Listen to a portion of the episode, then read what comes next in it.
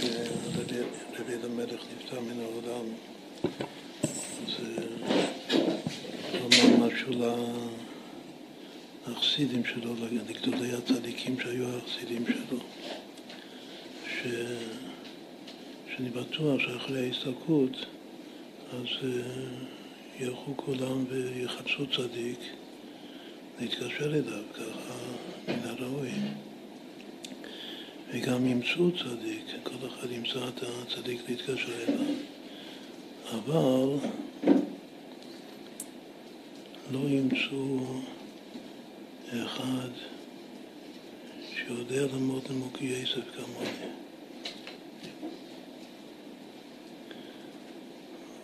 אז זה סיפור פתיחה ללימוד בבבא מציע.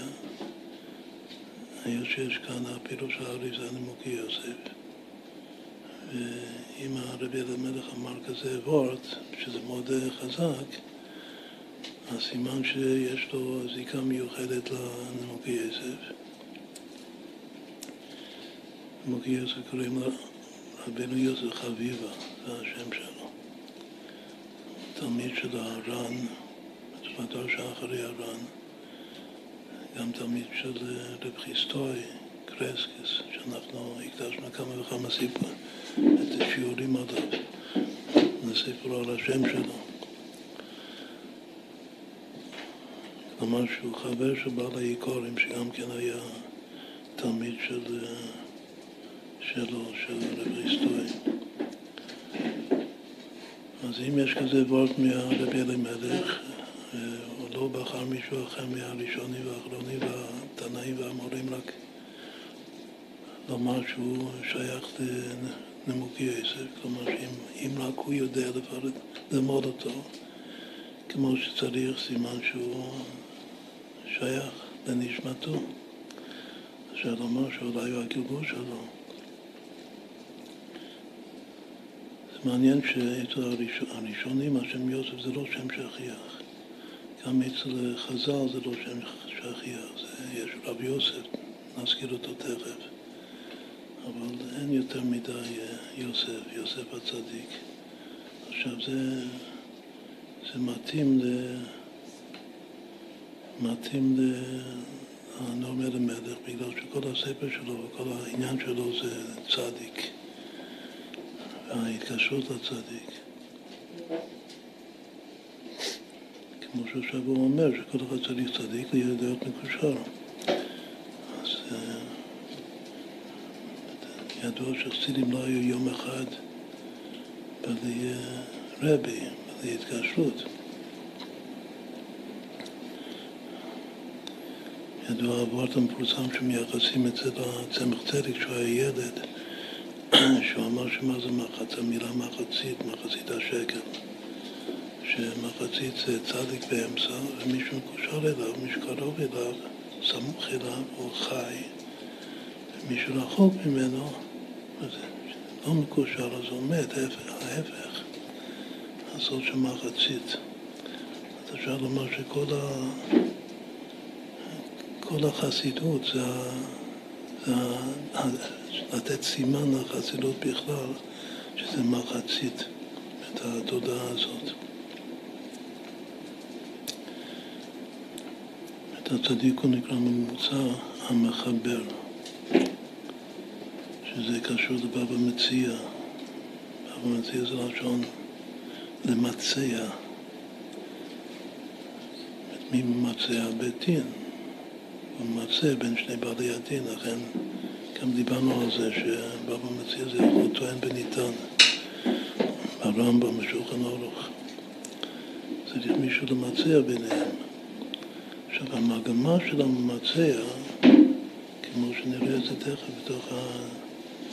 בתוך הגמרא והתוספות, זה כמה שיותר לתת לאנשים להשתתף, כאילו ללמד, לחנך את, ה... את הציבור להסתדר לבד. לכן יש כלל גדול בתורה, שזה פשרה עדיף מדין.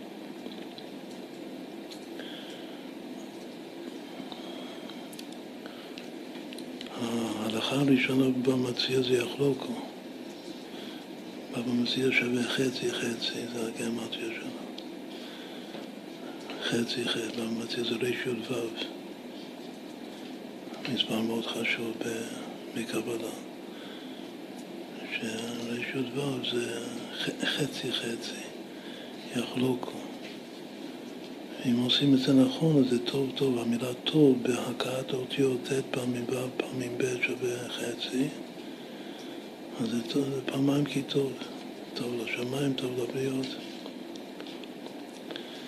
בכל אופן, יש משהו מאוד מיוחד דווקא בבבא מציע. והפירוש של הריב זה נימוקי עשר, וזה הצעה ראשונה שתמיד ילמדו את הנימוקי יסף על, על הסוגיה, על הדף. עכשיו, היות שהרבי אלימלך אומר שהוא, כנראה שהוא ההמשך שלו, של, של רבנו יוסף חביבה, גם שם מאוד יפה, חביבה, אז אה, אם יש איזה קושי בלימוד הנימוקי יסף, אז הסגולה זה לפתוח את הנומר למלך, ואז אפשר לקבל השראה של חסידות, איך ללמוד את, ה, את הנימוקי יסף, זה מה שנעשה. קודם נעשה קטע קצר של פרשת שבוע, שהוא קשור למה שדיברנו עכשיו. אחר כך נפתח את הנימוקי יסף, ובעזרת השם יתברך נביא מה שהוא כותב.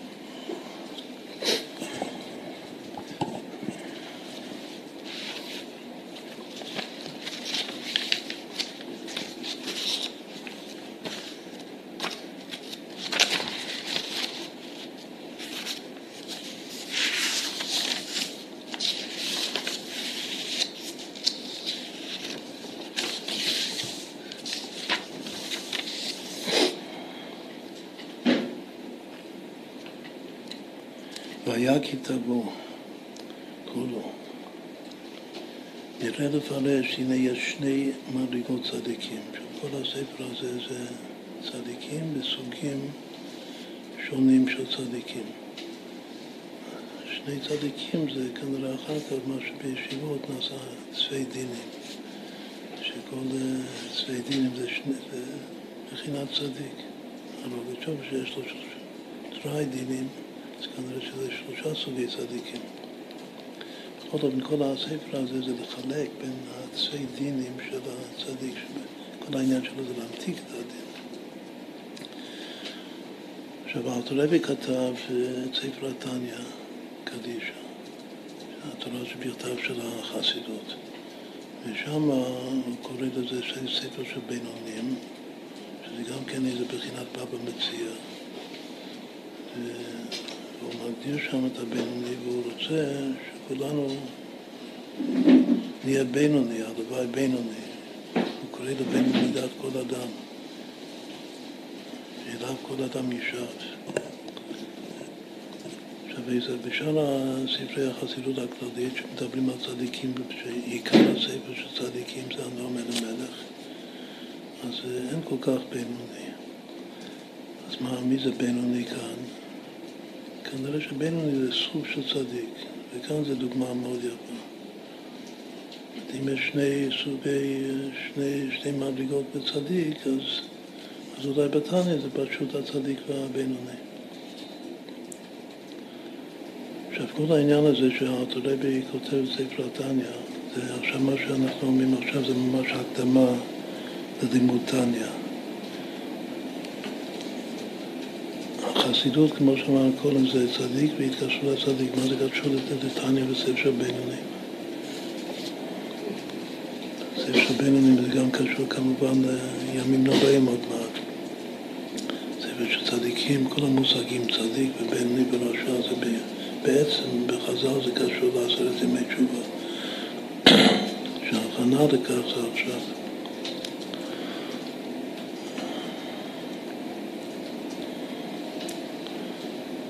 הבינוני של הארתולבי, מבינים אותו טוב, במיוחד לפי מה שהוא כותב בפירוש בפרק ב' של התניא, שזה כבר ההתחלה של התניא.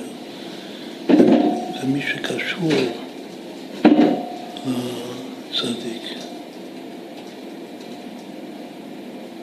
מה שקודם, שאמרנו שיש צדיק בסוד המילה מחצית של הצמח צדק, יש צדיק באמצע, יש מסביב חי, אותיות חי, אלו שקשורים אליו. אז זה כמו שאמר שיש צדיק באמצע, איזה עץ מסביב, יש עוד שני עצים שהם בינונים, שהם חסידים. אפשר לומר שספר של בינונים זה ספר של חסידים, זה לומד איך להיות חוסית. ומה זה? זה מישהו סמוך לצדיק. מישהו רחוק מהצדיק, אז, איך קוראים לו לפי זה? קוראים לו מסנגד. צריך את בשביל המילה מחצית, צריך את כולם, צריך חמישה, בעצם זה חמישה אנשים, מחצית. צדיק אחד באמצע, צדיק יסוד עולם, אחד בדרה, ויש לו שני חסידים סמוכים אליו, יש לו שני מסנגדים, קצת רחוקים ממנו, זאת אומרת, זה ציור אה, מופלא, וככה צריך. השני מסנגדים שומעים עליו מרחוק, השני חסידים הם אה, שומעים עליו מקרוב, והוא באמצע. עכשיו, כדרכנו רק לראות שזה רמז טוב, אז עושים את ה... עושים את הגרמטיה ונעשה את זה לפי אה, צדיק בינוני ורשע, שזה אלו המונחים של חז"ל והמונחים של התניא. זאת אומרת, אם עושים צדיק ומסביב בינוני בינוני, עכשיו מה זה אומר? זה אומר שבינוני הוא קרוב להיות צדיק. זה באמת מה שיוצא מספר התניא, שהוא מאוד קרוב להיות צדיק. מצד אחד הוא לא צדיק בגלל שהוא לא שולט על, ה, על הפנימיות ממש, אבל בכל המחשבה, דיבור המעשה שלו, כל הלבושים שלו הוא מאה אחוז, כל כך מאה אחוז שמבחוץ אומרים לו שצדיק אתה, רק שהוא צריך לדעת שהוא לא צדיק, אבל הוא, הוא נראה, הוא מתקבל כצדיק, וכאן בספר נועם אלימלך גם קוראים לו צדיק. סוג של צדיק. המגמה בכלל של התורה זה שכולם יהיו צדיקים, באמת כולם צדיקים. גם הרשעים שהם המסנגדים, ברגע שהם יודעים שהם שומרים על, על הצדיק מרחוק, גם הם הופכים להיות צדיקים. גם איך כולם צדיקים. שהצדיק באמצע הוא מקרין, והוא גם שואב את כולם לתוך עצמו. עכשיו, אם עושים את הגהמותיה צדיק, בינוני בינוני רשע רשע, אז יוצא אה, משהו מאוד אה, מושלם, זה יוצא 1,600, זה 40 בריבוע, הוא מספר את רוב הישראל, עוד הרבה דברים חשובים, העיקר בחוכמת המספר שזה יוצא שלמות של ריבוע אז. אז אם אה, צדיק בינוני בינוני רשע רשע יוצא 1,600, מה הממוצע של כולם? ומה הצד השווה של כל החמישה? נחלק את זה לחמש, אז זה, זה שח. שח זה בעצם שתיים וחצי פעמים בינוני. הממוצע, כאילו הערך הממוצע כאן זה שייך לבינוני דווקא. שח זה נער וגם נערה שכתוב ה', כוונה חשובה מאוד בכתבי האריזה. ונערים משתה נגינתם. אז כולם נערים, כולם ישיבה פה, בחורי ישיבה. כל המבנה הזה. בסדר, זה רק, כל זה היה רק כמאמר מוזכר שהנורמל אמר, שלומדים נורמל מלך או שאר ספרי החסידות הכללית.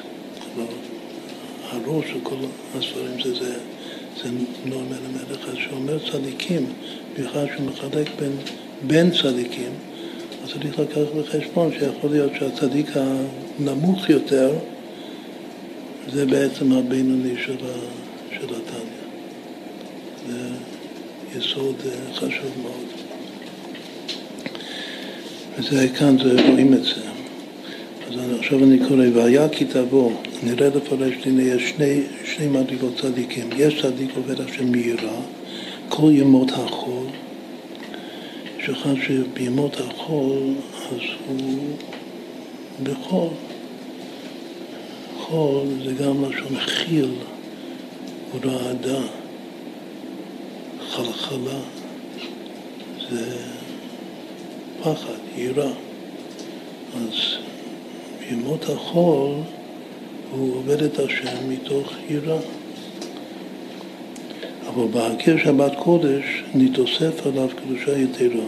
בשבת קודש מקבלים נשמה יתרה. אז מה זה נשמה יתרה? שמתוסף קדושה יתרה, שעובד מהאהבה, ואז הוא זוכה לעבוד את השם מאהבה. כל העניין של שבת זה אהבה, מה יביא את אומן העמת, אהבה בתענוגים. זה עונג שבת, אהבה בתענוגים.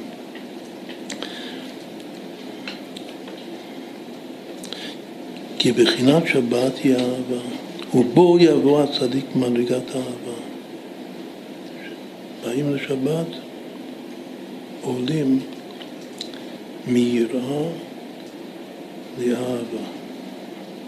עכשיו, הצדיק הזה הוא הצדיק הנמוך, אמרנו שהוא מתאים להיות הבינוני.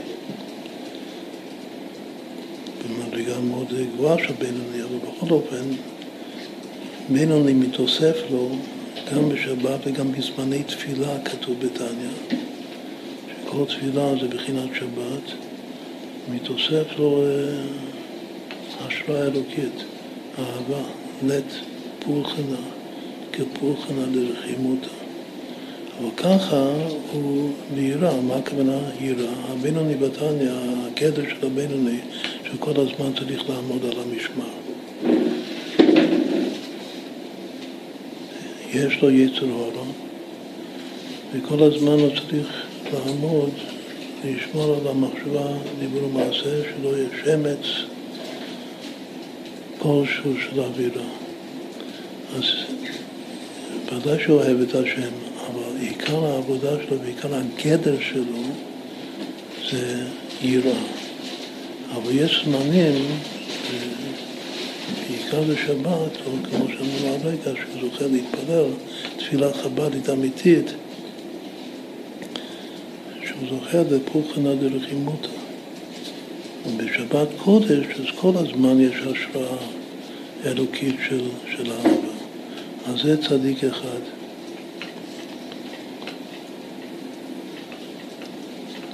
ויש צדיק שגם בימי החול עובד השם באהבה. יש צדיק שני שזה הצדיק העליון. צדיק תחתון, בכלל שאומר את שני סוגי שתי מדרגות של צדיקים, מה הוא מתכוון, לפי, ה, לפי הקבלה והחסידות. מתכוון לצדיק עליון, צדיק תחתון, מהם יוסף ובנימין. את יסוד זהב ויסוד נוקבה. אז באמת הבינוני של התניא הוא קשור לבנימין. זה לא בכדי שבנימין זה מתחיל כמו בינוני. כן, בינוני, בינוני בנימין. והצדיק זה מבחינת יוסף, וזה מה שאמרנו קודם, שהרבי אלימלך הוא מזדהה עם יוסף. יוסף זה הצדיק העליון. אז בראשונים, היוסף, אולי החשוב ביותר זה הנימוקי יוסף.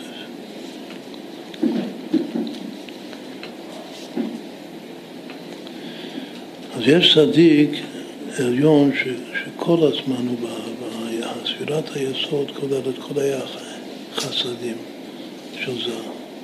אז כל, כל כולו הוא בעצם הוא ריכוז של כל האהבות של כל הספירות העליונות ממנו, כל הקצוות, הוא מרכז את כל האהבה. מה זה ואק? ואק זה ימי החול. אז בעצם כל יום בשבוע יש לו אהבה מיוחדת. ביום ראשון בשבוע יש לו את האהבה של חסד. וביום שני של השבוע זה האהבה של הגבולה. יום שלישי זה האהבה של הדיבר וכך הלאה. אז כל הזמן הוא באהבה. כתוב בתנא באיגרת הקודש, עכשיו קראנו את זה שיש לו גם יראה, רק שהיראה זה, זה בנסתר. אבל מה שגלוי אצלו זה אהבה ואת האחר ברחבה. זה שייך לימין בעצם, שזה אהבה בעצם.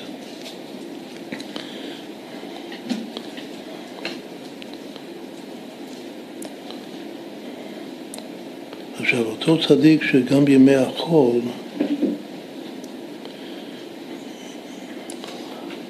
כאן החול זה, אצלו זה חלות של ש... שוב, אהבה זה השראה, מה ששורה עליו זה אהבה. עובר השם באהבה, וזה הצדיק נקרא בשם שלו, קוראים לו, בזוהר הקדוש, השם של הצדיק הזה זה שבת, בגלל שכל הזמן הוא שבת. תלמיד חכם נקרא שבת, כך כתוב בזוהר הקדוש. והיינו כי שבת היא בחינת האהבה, מה שאמרנו, שבת זה אהבה. המילה שבת זה גם כפולה של אהבה, אבל זה אחד. כמה אהבה יש בשבת?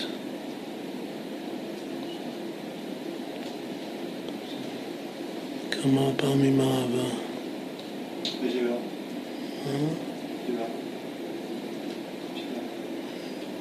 כמה? כן, חמישים וארבע. אחד מהגרמציות של אה, רשות ו' שבבא מציע זה דידה נוצח. שדידה נוצח זה ארבע פעמים דן. אז דן הייתי חושב שזה דין, גם רשות ו' זה גבורה, אבל זה שלוש פעמים חסד. הסוד של שם עין ב'.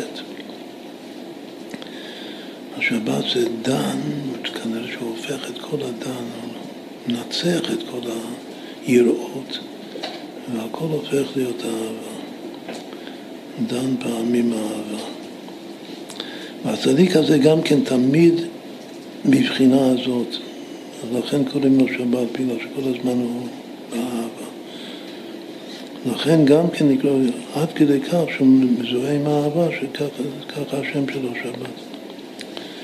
וזהו שאמרו חז"ל, כל המענה נגד השבת נותנים לו נחלה בלי מצרים.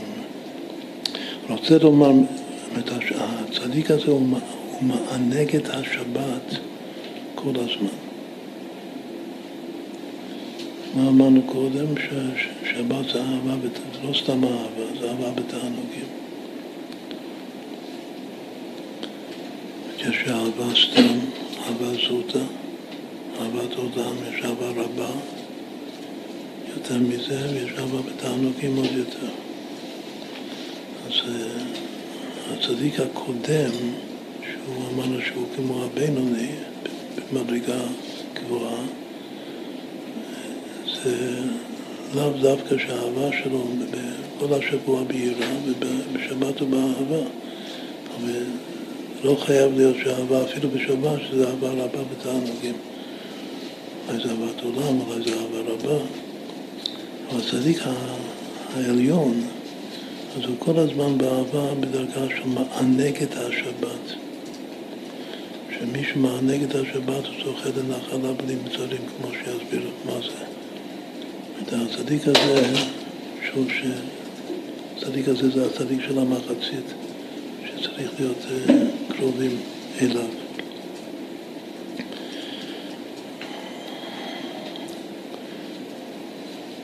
מה שהוא מסביר כאן, שמענג את השבת, זה שהוא מתענג עם השבת כמו חתן וכלה. מה זה מה יפית ומה נעמת אהבה בתענוגים? תענוג זה שעשוע, זה לא שעשוע רק שלי, זה שעשוע הדדי. הדדי זה גם לשון הד, כל אחד מהדהד את השני.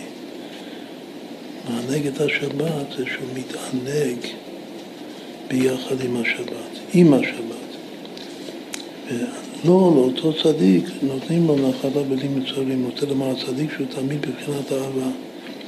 אבל כמענג עם השבת, זה הדיוק כאן, שמענג את השבת זה כמו מענג עם השבת, שמתענגין זה עם זה, כמו שני, שני אוהבים, שמתענגים אחד עם השני. כי הוא תמיד בבחינת האהבה, כמו השבת. אז אותו אחד, אותו צדיק עליון, שהוא יוסף, נותנים לו נחלה בלי מצרים. מה זה נחלה? זה אומר שנחלה זה נחל ה'. ה' זה יכול להיות קיצור של השם, נחל של השם.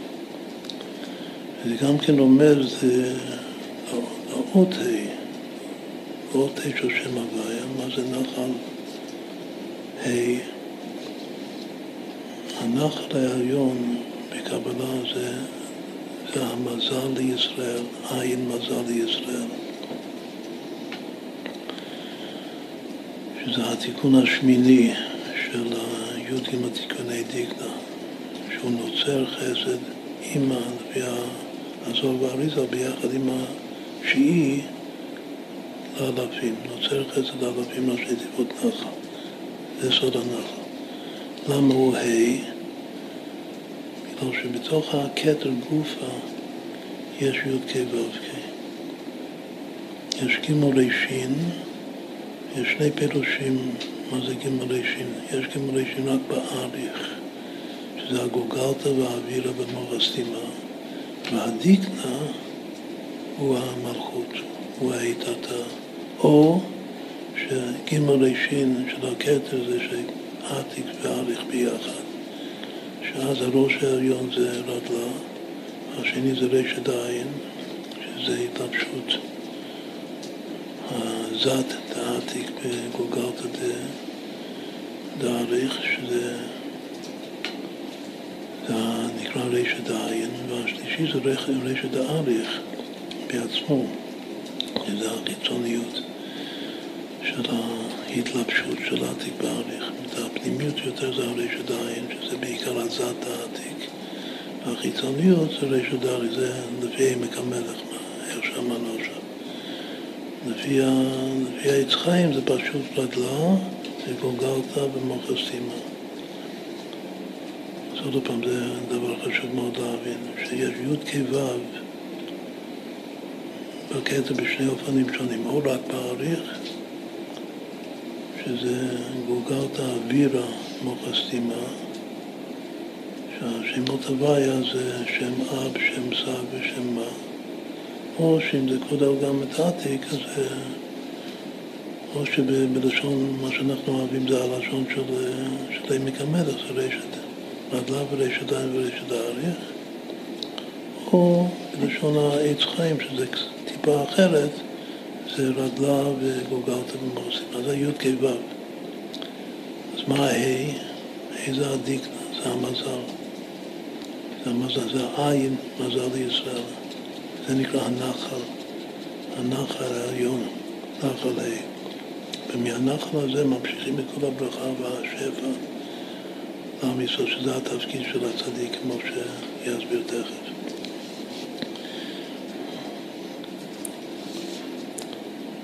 אז שוב, הצדיק הזה העליון, הוא מקבל נחלה בלי מצרים. זה עכשיו עיקר התורה, מה שהוא רוצה להסביר, מה זה נחלה. נחלה זה נחל ה', מה זה בלי מצרים. אז נחל ה' הוא הנחל העליון אשר משם מושך הצדיק השפע לישראל. כאן הוא אומר וורט, אני מחזיק כאן דבר שאני לא יודע אם אתם ראיתם את זה כבר, זה דבר שלומדים במציע בישיבה של חב"ד, זה הדבר הראשון שלומדים, זה הקובץ שהרבי כתב בתש"ב, שרק הגיע לאמריקה, בפתיחת הזמן של לימוד בבא מציע בישיבות שם, כתב קובץ שלם על, על הסוגיה הראשונה בבא מציע. זה ממש דבר ראשון שלו, שצריך ללמוד, שכל אחד, שידפיסו את זה ושכל אחד יקבל את זה. יש פה גם נגלה, בהתחלה ובסוף בעיקר, וכל האמצע זה ההסבר החסידי, מה זה שניים אחזים בתרדית. יש בזה כמה וכמה אופנים של פירוש. זה אופן מיוחד כמו שנסביר. ומילת המפתח כאן זה טלית.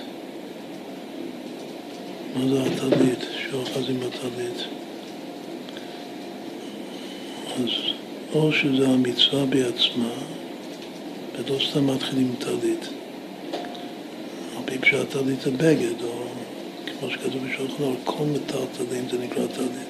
כל כלי זה, כל כלי מטלטלין, זה כאן זה טלית. בכל אופן, זה ודאי מכוון שקוראים לזה טלית.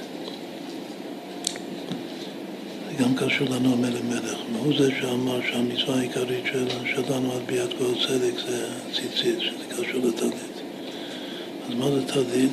טלית או שזה ששניים אוחזים במצווה, מי זכאי במצווה הזאת, כאילו רבים על, על מצווה, או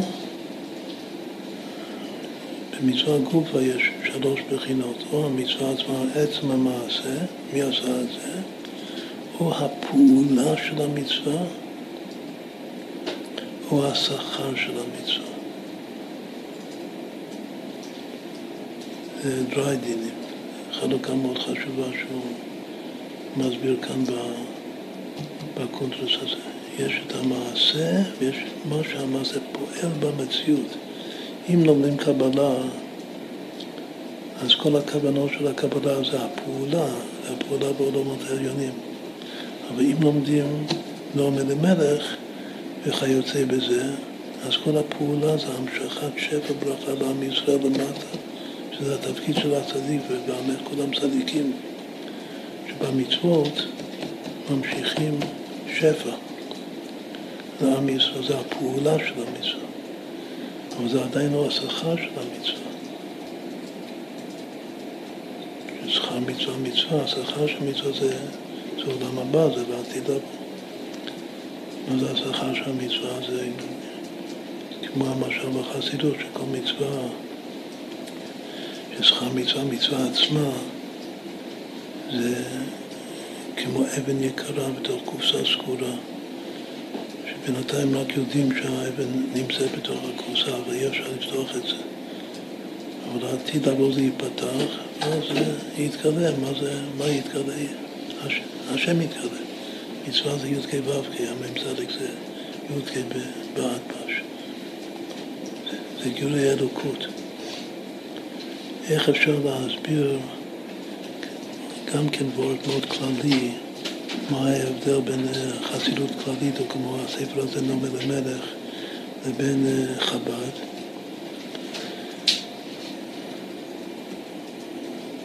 וגם מה ההבדל בין שניהם לבין ניגלה,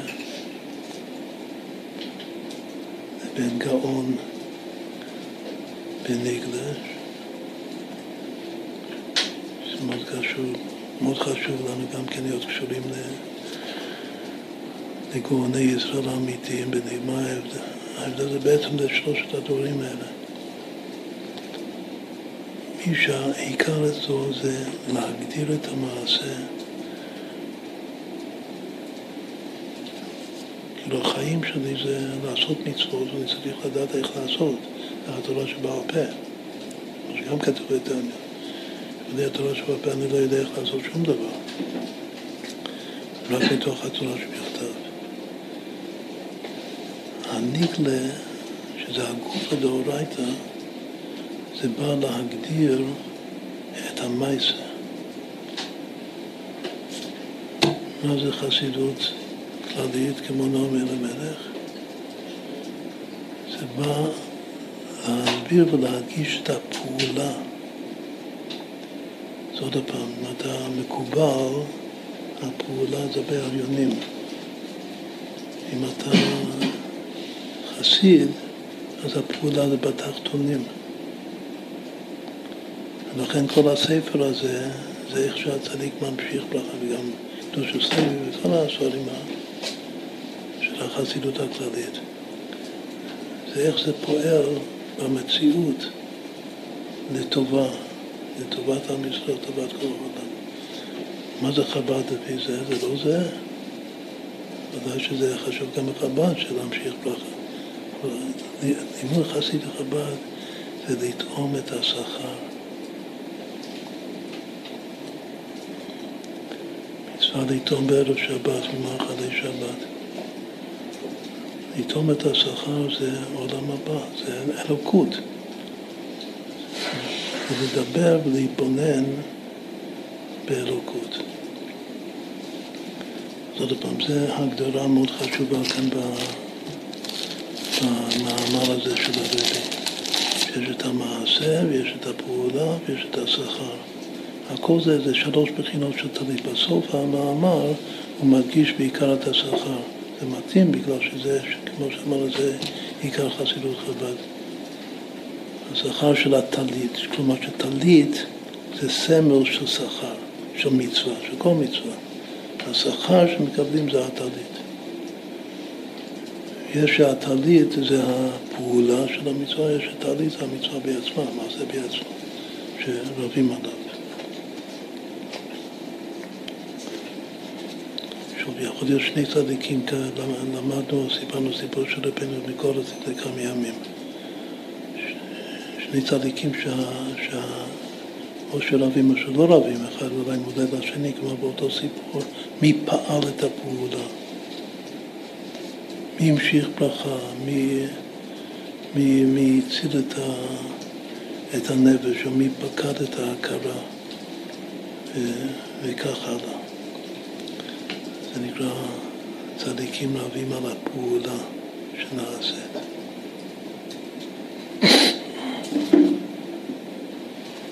אז עוד פעם, כאן הוא כותב ככה, הוא אומר, רוצה לומר, נחל ה' הוא הנחל העליון אשר משם מושך הצדיק השפע לישראל, זה עיקר אצלו, שיש צדיק שהוא ממשיך ברכה. וזה עוד מצינו בעליון אבי, עכשיו הוא מגיע לעיקר הלונדוס כאן. שאמרנו כל השנה מלמלך הוא שייך את עצמו לנימוק יסף. אז מי שמכיר אותו עוד לפני שהוא התקרב לחסידות, בזכות אחיו הרב רב זושה, אז הוא היה גאון עולם, היה עילוי. הוא היה מגדולי אה, גאוני הדואר. הרב רב זושה היה רב.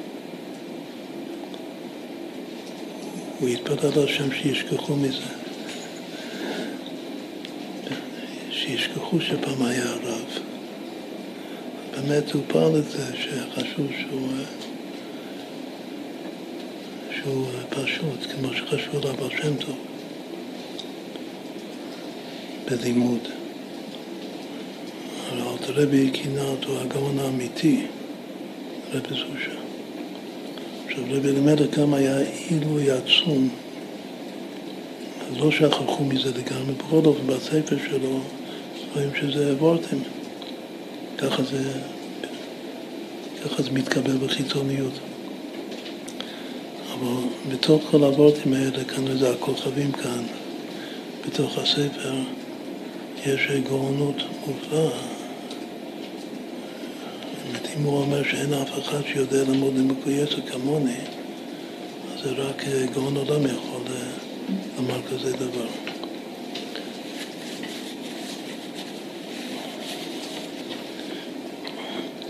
אז שוב, אז עכשיו הוא מביא פסוק, וזהו שמצינו בעליון אבי, זהו.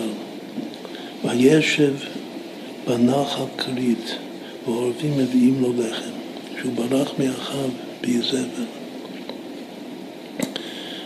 גזר בצורת, לא ירדו גשמים.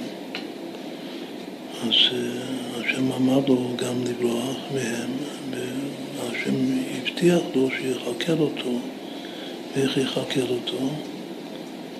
ש... שהוא יושב שם בנחל כרית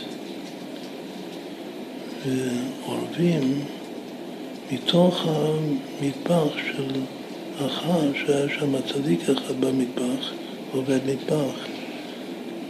שם לומדים שמי שעובד במטבח יכול להיות שהוא צדיק גדול מאוד. עובדיה. אז, אז הרוחו שם היה מאה בבאר שבע, כל ההכשלים הכי טובים, והיו באים עורבים, לוקחים שם לחם ובשר בבוקר ולחם ובשר בערב, ועורבים היו מביאים לו אוכל, לידי הנביא. זה מה שכתוב כאן. וישב בנחל כרית, יש כאן רמז יפה לשבת וחול. וישב זה שבת, ונחל בעצם זה לשון חול, עיקר האותיות. אז הוא גם, ב, גם בחול הוא שבת. וישב בנחל כרית, כרית זה כריתות ברית. והעורבים מביאים לו לחם. ולכאורה, שואל כאן הנאום אלימלך, לכאורה למה בחר השם בעורבים? למה שהעורבים יביאו לו?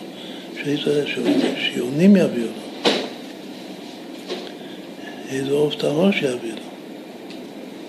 לא סתם שעורבים זה, כל עורב למינו זה עוף טמא, לא רק זה, יש עוד משהו לגריעות העץ העורבים, שעורבים אכזריים, או בניהם אכזריים.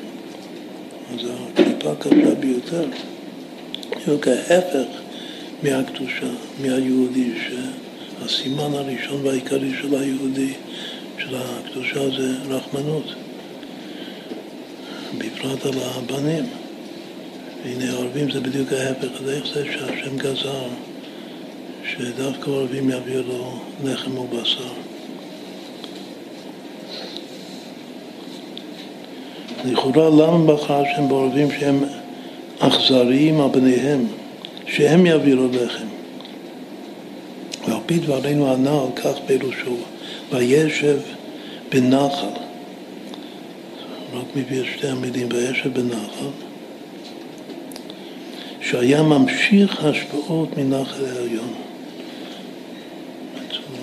הוא מסביר את זה שנחל זה הנחל העליון, הנחל כרית, כלי זה כליתות ברית אמרנו, הכלי זה גם אותיות כתר,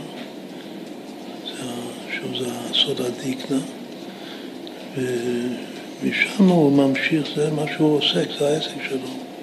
הפעולה, כתוב פעולת צדיק לחיים. הפעולה שלו, של הצדיק, ואומר כולם צדיקים, זה כל הזמן להמשיך לזולת ברכה, גם לזולת הפרטי וגם לזולת הכללי, שזה עם ישראל.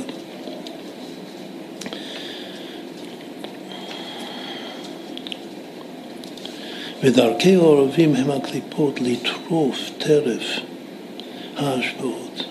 העורב הוא באמת הקליפה, קליפה קשה ביותר. מה קליפה עושה? בכלל, מה זה עוף טמא? עוף טמא הוא טורף. מה, הוא טורף? טורף זה לשון טריפה, זה הפשט של טריפה, ההפך מקשר. מה הוא טורף? הוא טורף את ההשפעות, הברכות שהצדיקים ממשיכים.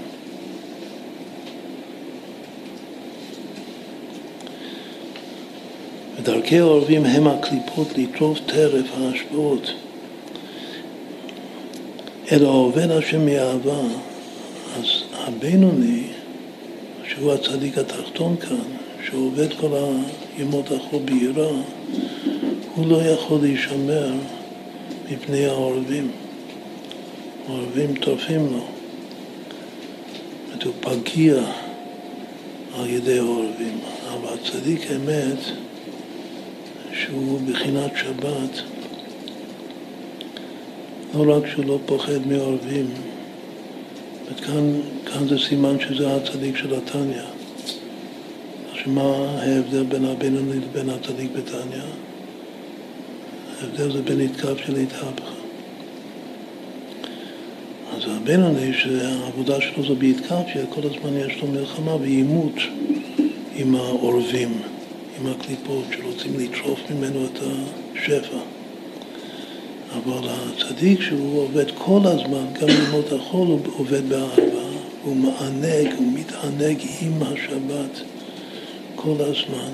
השבת זה כנסת ישראל, השכינה הקדושה.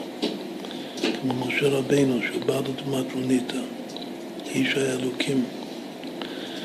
אז, אז לא רק שהוא לא פוחד מעורבים, אלא שהוא עושה התהפכה. שעורבים בעצמם מביאים לו לחם בבשר. לא רק שלא טורפים באכזריותם את הלחם והבשר שהוא רוצה להמשיך לעם ישראל, אלא מביאים לו בעצמו. שמי שעובד השם מאהבה, גם הם ישלימו, ו' ישלימו איתו, ויסכימו איתו, הם ישלימו ויסכימו עמו. להשלים זה יסוד, להסכים זה חוד, כמו שמוסבר אצלנו בפרצוף הדת. הם ישלימו ויסכימו עמו ובלתי ייגעו בהשפעה. וזהו רמז שהעורבים הביאו לו לחם, רוצה לומר שגם הקליפות הסכימו עמו. וזהו כל... וזה מה שאמרו חז"ל, שכל משמע נגד השבת, שזה הצדיק שכל הזמן הוא באהבה, הוא זוכה לנחלה בלי מצרים. אז מה זה נחלה בלי מצרים? בלי קליפות שמצירים לו. וזהו כל המענה, נותנים לו נחלה כנ"ל להמשיך השפעות מנחל ה' בלי מצרים, רוצה לומר, בלי שום קטרוג, הוא מונע. את הקליפות יכולים להפריע ולטרוף את השפע רק אם יש להם קטרוג. והקטרוג זה או שהיהודי הוא לא בסדר במשהו, אבל אם הצדיק התחתון כאן הוא כמו הבינוני של התנא, זה מאה אחוז בסדר במחשבה, דיבור ומעשה. רק מה? מה יכול להיות הקטרוג על הבינוני? הקטרוג על הבינוני זה שהוא לא מהפך אותי, שהוא לוחם איתי כל הזמן. זה גופה הקטרוג של הקליפה נגד הבינוני. אבל ברגע שאתה צדיק, צדיק אמיתי לפי התניא, ואז אתה מהפך, אז כולם אוהבים אותך. גם את האויבים, גם את הקליפות, מהפך אותם. גם הגויים, מהפכה רביעית. אז הוא זוכה להמשיך שפע ונחלה בלי מצרים, רוצה לומר בלי שום קטרוג מונע. ועכשיו, אחרי כל זה נחזור לפסוק שלנו, כי תבוא על הארץ. והיה, היה זה לשון שמחה, והיה כי תבוא על הארץ. אז כתוב כאן, לא תבואו, לשון רבים, אלא כי תבואו, לשון יחיד. דהיינו כשיהיו כל ישראל באחדות. אז כאן, מהמשפט הזה הבנתי את הסוד של המחצית שאמרנו בהתחלה.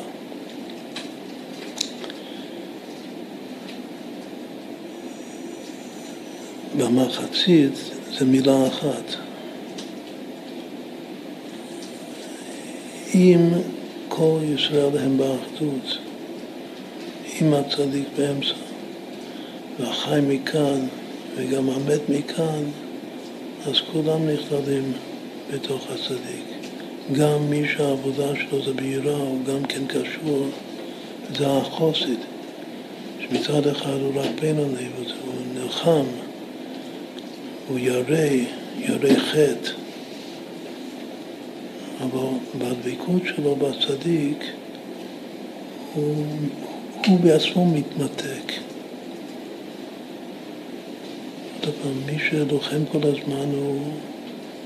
מר לו. הצדיק, כי התקשרות הצדיק מהפך אצלו את המר למתוק, הוא תואם את המתוק. זה מה שהוא רוצה לומר כאן. שתבוא לשון יחידנו כשיהיו כל... עיקר הגאולה תלויה בכך שנהיה באחדות, בגלל שאז כשנהיה באחדות אז כולם יקבלו את המדרגה מעין המדרגה של הצדיק האמיתי. אשר השם אלוקיך, מה זה אשר, אשר השם אלוקיך נותן לך נחלה? וירישת וישבת בה, זה הפסוק הראשון. מה זה השם אלוקיך? שזה כלל גדול לגבי כל פעם שכתוב בתורה השם אלוקיך, כמו ואהבת את השם אלוקיך. שהשם אלוקיך זה רוצה לומר שבכללות ישראל יש שתי בחינות הנ"ל. את הרשעים לא מתייחס. אבל שופטי עסקינן כאן. אבל הוא אומר שכל ישראל או שהם צדיקים, שזה השם, שם הוויה זה אהבה. את י"ק ו"ק כתוב בזאת זה מתחלף באלף ה' ב' ה'. זה גם שווה פעמיים אהבה. שם הוויה בכל מקום זה מידת האהבה, ושם אלוקים בכל מקום היא מידת היראה. אז לצדיקים פונים הוויה, ולצדיק התחתון כאן, שזה הבינוני שלנו, פונים אלוקים אלוקיך. אשר השם אלוקיך רוצה לומר שבכללות ישראל שתי הבחינות הנ"ל, אהבה ויראה. השם, שם הוואי הוא אהבה, ואלוקים אותין הוא יראה.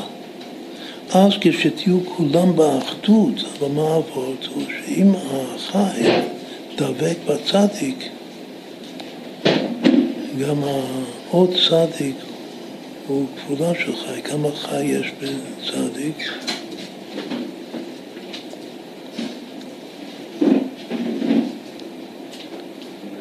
חמש. החי, ה' חי, או חי ה', חיה בתוך צדיק, זה הדבקות של החי בצדיק. ואז שיש רק חי וצדיק, אז מה יש? זה חצי. אם מוסיפים את המת, אז זה כבר מחצית, אבל בלי המת זה רק זה חצי. אמרנו שבמציאה זה חצי חצי. אז שוב, כשיהיו כולם באחדות, אז כולם נכללים, כולם זוכים להיקלע באהבה, שזה מידת הצדיק כל הזמן, בשבת, כאילו, שכל עם ישראל שבת. שבת זה הבן זוג של עם ישראל בכלל, הבת זוג.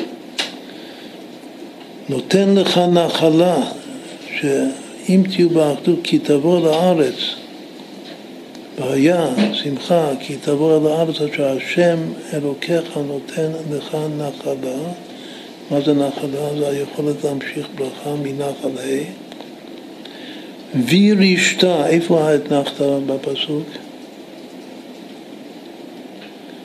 והיה כי תבוא אל הארץ אשר השם אלוקיך נותן לך נחלה וירישתה וישבת בה איפה האתנחת? לקרוא את הפסוק נכון. מה? זה טעות. כאילו, אפשר לחשוב ש... ש... שנותן לך נחלה וירישתה. זה טעות. איפה התנחת? נחלה. אשר השם אלוקיך נותן לך נחלה וירישתה וישבת בה. קוראים את הפסוק נכון. אז כאן הוא אומר שהבעיה כי תבוא לארץ אשר השם אלוקיך נותן לך נחלה, אז מה צריך לעשות? קיבלת נחלה, צריך להיות וירישתה. מה זה וירישתה? רוצה לומר אז יהיה הנחל ה' שזה הנחלה בידך, וירישתה, הוא, הוא מסביר את זה שזה כמו לקחת את זה ביד, שזה רכוש שלך. ירושה זה, זה רכוש גמור, שזה לא יהיה חד פעמי, לא יהיה מקיף, שזה יהיה פנימי,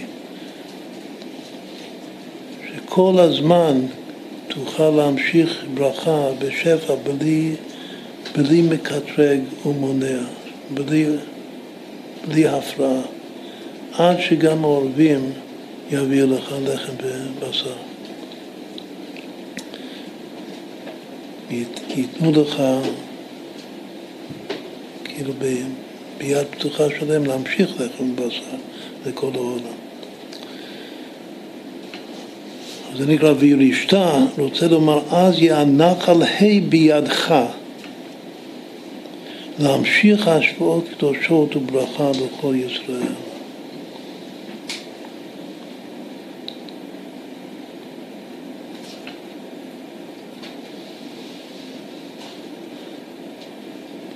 עד כאן. אז זה,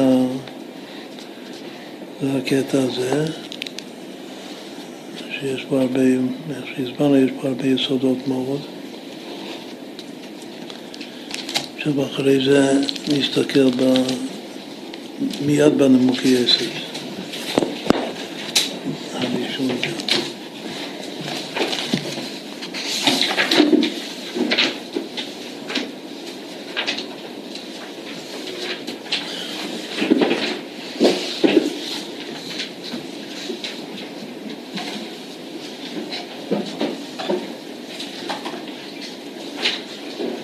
אומר שני בטלית, זה אומר אני מצאתי וזה אומר אני מצאתיה, זה אומר כולה שלי וזה אומר כולה שלי, זה יישבע שאין לו פחות מחציה, וזה יישבע שאין לו פחות מחציה ויחלוקו.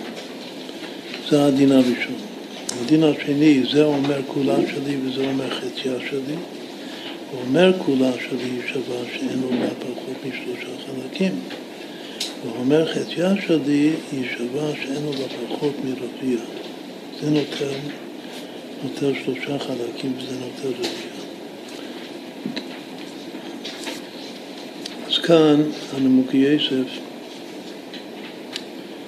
הוא, אה, הוא מקשה קושת התוספות, תכף נסתכל בתוספות, אבל הוא, הוא הרבה אחרי התוספות. כמה מאות שנים אחרי התוספות, אז הוא יודע מה כתוב בתוספות. החידוש הראשון הוא שבכלל לא מזכיר את התירוץ של התוספות, עד כדי כך שזה קושה עליו. הוא אומר שלושה תירוצים אחרים, חוץ ממה שכתוב בטייסס בפירוש. מה הקושה? ואם תאמר על החצי שמודה חברו, למה צריך להישבע? טוב, זה עוד לא הקושה. ואם תאמר החצי שמודה חברו, למה צריך להישבע? עוד, זה, זה משהו פשוט שגם רש"י כותב. חצי, אחד אומר כולה שלי ואחד אומר חצי שלי. אז יש חצי שה, ששניהם מודים שזה שייך לחבר. אז למה אותו אחד שאומר כולה שלי צריך בכלל להישבע על זה? כל המחלוקת זה רק על החצי השני. אז אין לו חינם, מה הדין? הדין הוא שאם אפשר לחלק את זה בפשטות, אז נותנים, קודם כל נותנים את החצי ששניהם מודים לזה שאומר שכולה שלי, ואז על מה שנשאר החצי השני, אז כולם נשבעים בדיוק כמו הדין הראשון במשנה. אבל מדובר במקרה שאי אפשר לחלק. וכדי שזה, שאם הוא יאמר שחצי רק מהחלק השני שלי, או לא פחות מחצי, אז יכול להיות שהוא יכוון לחצי המוסכם. אז בגלל הרמאות שבדבר, לכן אמרו שהוא צריך להישבע של שלושה חלקים, אז כל השלושה חלקים, אף על פי שהחצי מוסכם. ואם תאמר חצי שמודה חברו, למה צריך לשמוע? יש לומר שאילו לא היה נשבע, אלא הרביע, שזה זה מה שחוקים.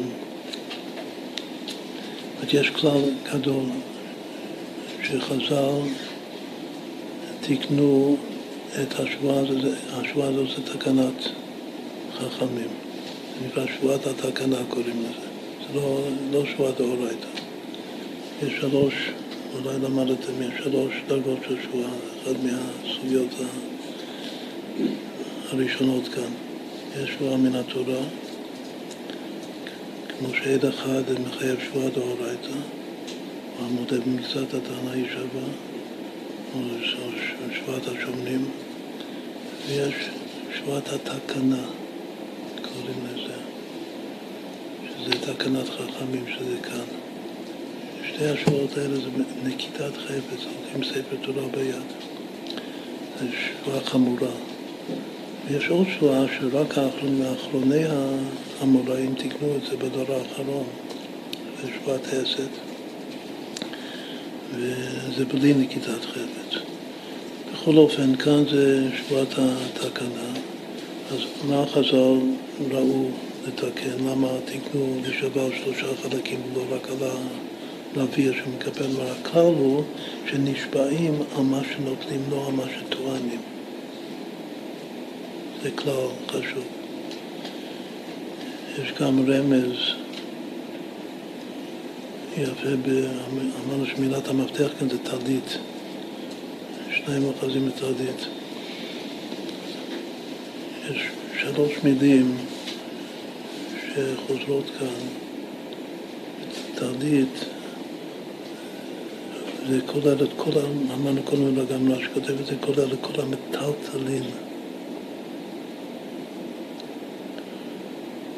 וגם הטל של טלית, חוץ מזה שזה לשון נופל ללשון מטלטלין בכלל, כאילו שכל מטלטל הוא טלית.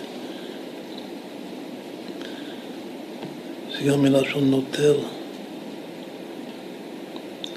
וזה כאילו מילה מאוד חשובה, נוטל. אני חושב שבשבועה זה על הנוטל, לא על הטוען. לכאורה זה היה מספיק להישבע רק על הרבע שהוא נוטל, אז למה הוא צריך להישבע על כל השלושה חלקים? זה מה שאומר כאן, אם תאמר החצי שמודה חברו, למה צריך להישבע? יש לומר שאילו לא היה נשבע אלא על הרביע בלבד, שמא היה מתכוון, אנחנו נזהרים מרמאות, שמא היה מתכוון לאותו חלק שמודה רבע מאותו מהחצי המוסכם, שמודה לו חברו. ואף על פי, אז אפשר לומר, אבל כל הנשבע נשבע על דת בית אז מה זה משנה מה, זה משנה מה שהוא חושב? ואף על פי שכל הנשבע בבית דין על דת בית דין הוא נשבע, מכל מקום יש לדיין להחמיר שיפרש הנשבע בשבועתו כל צד רמאות שיכול לחשוב בליבו. ומכאן הוא דשם מינן הכי. את הכלל הזה, שאף על פי שהנשבע נשבע על דת בית דין, אבל הבית דין צריכים לנסח את השבועה כדי להוציא ממנו כל אפשרות, כל צעד שהוא יכול לרמות, כאילו לחשוב בלב משהו אחר מאשר המשמעות של השבועה שהבית דין דורש ממנו. בסדר, זה לא היה, זה, היה, זה רק בדרך אגב. עכשיו מתחיל עיקר הפירוש, שצריך להבין אותו.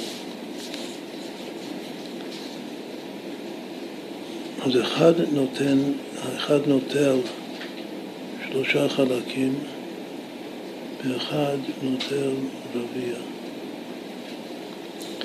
וזה נוטל רביע. עכשיו, מה הקושה? זה קושת התוספות, ולא אמרינן לשכוח חציה בישועה, מיגו דאי באי אמר כולה שלי, והיה נותח חציה בישועה. למה לא אומרים שיש לו זכות, זה שהוא טוען שחציה שלי, שיקבל את כל החצי, לא כמו בדין הראשון שכל אחד מקבל רק חצי מהטענה שלהם, שהוא יקבל את כל החצי בגלל שיש לו מיגו, היה, מה זה מיגו? שהיה, מיגו, איך אומרים מיגו בלשון חז"ל לפני המילה מיגו? מה? מה לי לשקר? כן, הביטוי זה מה לשקר. שאם הוא בא לשקר, יש לו שקר יותר טוב. אז אם זה שקר, הרי היה יכול לטעון משהו יותר טוב. עוד פעם, הלשון המקורי זה מה לי לשקר. ומזה הקיצור זה מיגו. זה נושא עצום בכל השעה, כל הסוגי מיגו ומה החוזק של המיגו כנגד ההכרעות האחרות.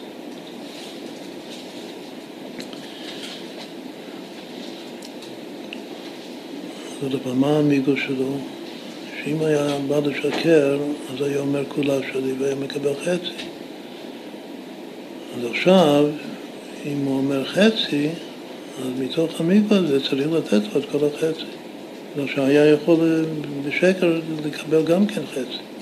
אז למה לא אומרים את המיגו הזה?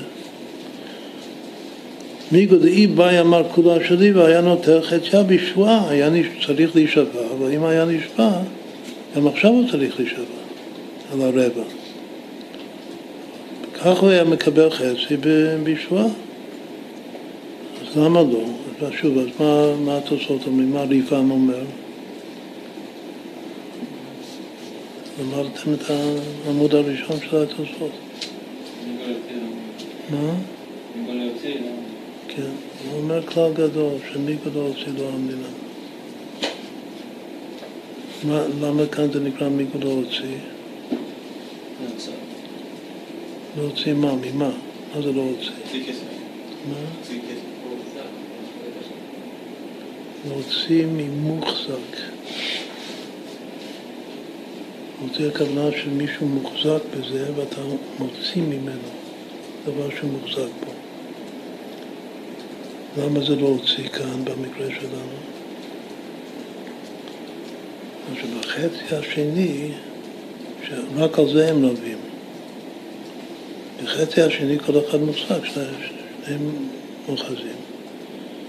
אז גם השני הוא מוחזק בחצי השני. אז אם המיגו הזה, זה ייתן לך את הרבע שהשני מוחזק פה, זה נקרא מיגו להוציא.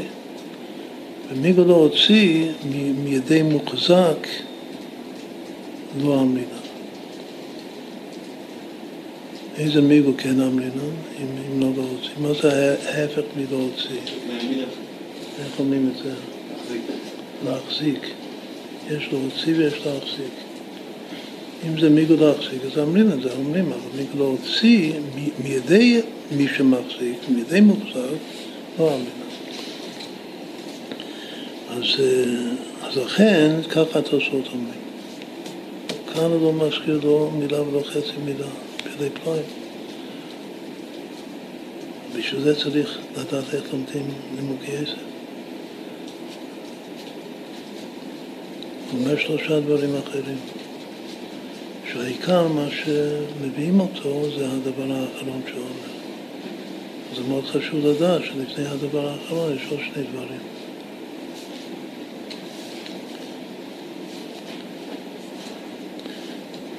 משום, מה הדבר הראשון? משום דלא אמרין מיגו אלא בטענות שקולות. מה הכוונה טענות שקולות? שזה קל לך לטעון את הטענה השנייה כמו הטענה הזאת. אבל הך היותר נוח לו לומר חציה שלי, יותר קל לו לומר חציה שלי, שאינו מעיז פניו וחברו כל כך מלומר כולה שלי שצריך להעיז לגמרי.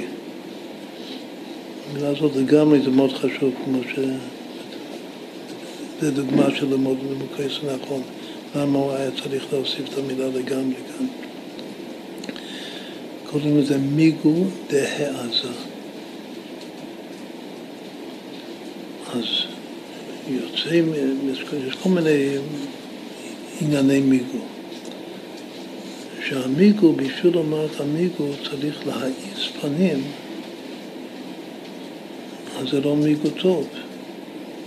בגלל שהוא לא רוצה להעיז פנים, הוא מתקשה לו להעיז פנים.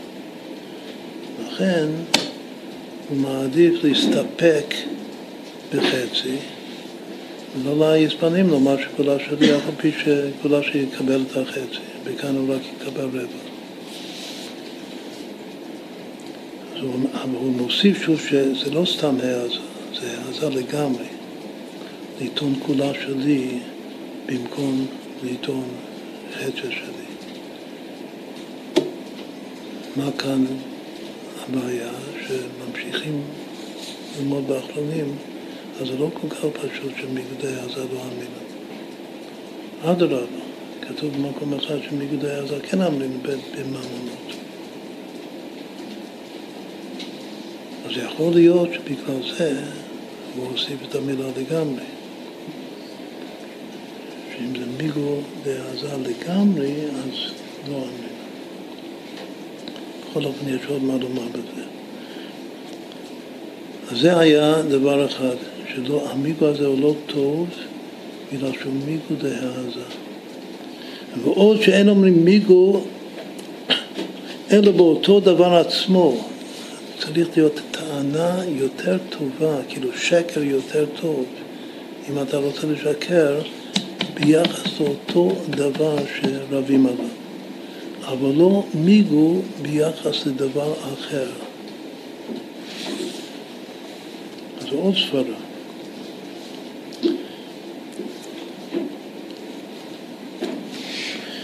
עוד פעם אני קורא, ועוד שאין אומרים מיגו אלא באותו דבר עצמו שהוא תובע או כופר, אבל מדבר לדבר לא. ואפילו כשהיו אותן שני דברים שקולים, אפילו שזה שתי חתיכות אותו הדבר, או כמו כאן שני חצאים של, של הטלית, שכל חצי זה זהה, אבל אני לא אומר מיגו מהחצי הזה לחצי השני. לא אומרים מיגו מדבר לדבר אחר. מיגו צריך להיות טענה יותר טובה על הדבר הזה גופה שאתה תובע או כופר. אז עוד סברה. למה המיגו הזה הוא לא טוב.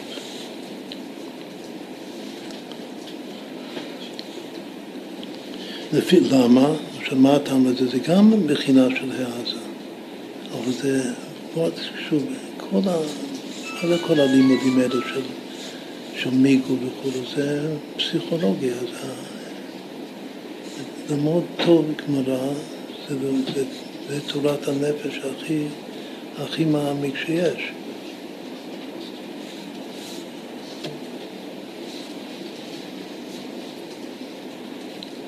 וגם כן זו בחינה אחרת של העזה. יש להעיז פנים שכמו מודד במקצת התנא אותו דבר, לטעון הרבה במקום להסתפק. אז זה לוקח העזה לומר הרבה במקום מעט. אבל יש עוד סוג של העזה שזה הרבה יותר דק, שזה לא מובן מאליו בכלל, ששני דברים שווים. על הדבר הזה בא לי להעיז. ולדבר השני, שהוא אותו הדבר, אין שום סיבה שזה לא יהיה שווה, כאילו בנפש. על זה, משום מה, יש איזו מניעה נפשית, לא יכול להעיז. באמת אין בזה הסבר. רק משהו מאוד עמוק בנפש, הנפש הוא לא רציונלי. את ההעזה הראשונה זה לגמרי רציונלי, שיותר קשה לאדם לתבוע הרבה מאשר לתבוע מעט. אבל כאן האבורט הוא נקרא זה עוד הפעם. ועוד, זה עוד טעם, עוד בחינה אחרת נפשית של העזה, שאין אומרים מיגו אלא באותו דבר עצמו שהוא תובע או כופר, אבל מדבר לדבר לא, ואפילו כשהיו אותם שני דברים שקולים, לפי שאפשר שבדבר אחד הוא מעיז, ובדבר אחר, אף על פי שהוא שקול, ואין שום סיבה למה הוא לא יעיז בזה, אף על פי שהוא שקול, אינו יכול להעיז, הוא לא מסוגל להעיז לגבי הדבר השני שהוא שווה. אז זה טעם שני. סוג שני של העזה. כנראה שיש שתי בחינות של עוז, השם עוז למה ייתן, אנחנו עזים שבאומות. שכל אור זה מזל בגמרת, יש מזל עליון, מזל חסד והלכים שם במקום, יש מזל תחתון ונקי. שני סוגי העזה. אז אם המיגו הזה יש לו איזשהו העזה בו, אז זה לא, זה לא טוב, לפי, כאילו זה לא, זה לא עובד, לפי הנימוקי יוסף. ושוב, זה לא פשוט שהעזה זה לא טוב. אבל כאן יש שני סוגים, שני טעמים של העזה. עכשיו, עיקר זה כאן עכשיו הטעם השלישי. ועוד, הוא, ועוד שאילו היה נוטל חציה יותר היה נוח לו לומר חציה ושאיתו כל תביעתו מלומר כולה ושלא ייטול אלא חציה. זה מה, כשאומרים תירוץ על נמוקי יוסף, מתכוונים לתירוץ הזה השלישי. כל הראשונים והאחרונים. מה זה, מה זה התירוץ הזה? התירוץ הזה הוא שהאדם מוכן אפילו להפסיד כדי שיצא בעיני העולם, בעיני הבית דין וכולם צדיק.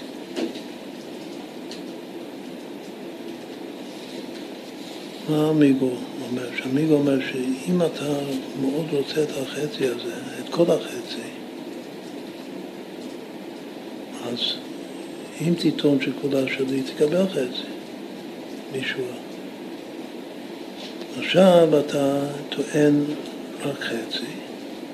אם אנחנו ניתן לך חצי בגלל המיגו, שהייתי יכול לומר כולה שלי, אז ואתה, כאילו כל זה נמצא בראש, אז הרבה יותר נוח לך רק לומר חצי ולקבל את כל התביעה שלך מאשר לומר הכל ולקבל החצי. למה? בגלל שאם אתה אומר חצי ומקבל את הכל בגלל המיגו, אז אתה צדיק גמור. אתה לא שיקרת. אתה ביקשת חצי, קיבלת חצי, בגלל המיגו.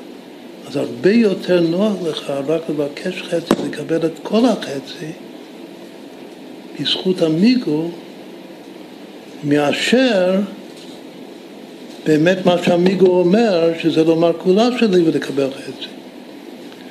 לכן המיגו הוא לא טוב. עכשיו, מה, מה, מה הפסיכולוגיה? שאדם רוצה להיות צדיק.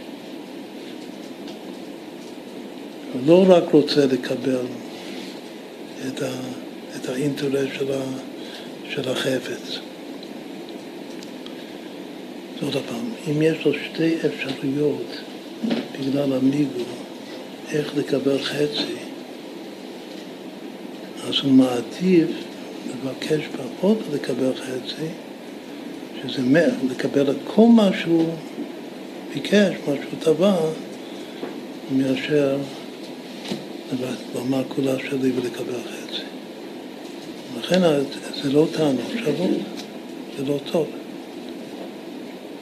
עכשיו זה נשמע מאוד יפה, לכן אה, דנים בזה הרבה בספרה הזאת. אז יש לו פה שלוש ספרות, כאשר העיקר, יחד עם זה שהוא אומר את זה לפי סדר, אז הייתי חושב על פי היגיון שהראשון זה העיקר אצלו. אבל בכל אופן, כל המפרשים אחריו תופסים עיקר את, ה, את התירוץ האחרון שהוא אומר כאן, השלישי. אז גם כן צריך להבין את זה. ולפיכך, כשם שאילו אמר כולה שלי אינו נוטל אל החצי, טענתו, ולכן אף האומר חציה שלי אינו נוטל אלא חצי טענתו, והיינו דאמרין בתוספתא, התוספתא הראשון, כללו של דבר אינו נוטל אלא חצי טענתו בלבד. עכשיו, כאן בואו נפתח את התוספתא.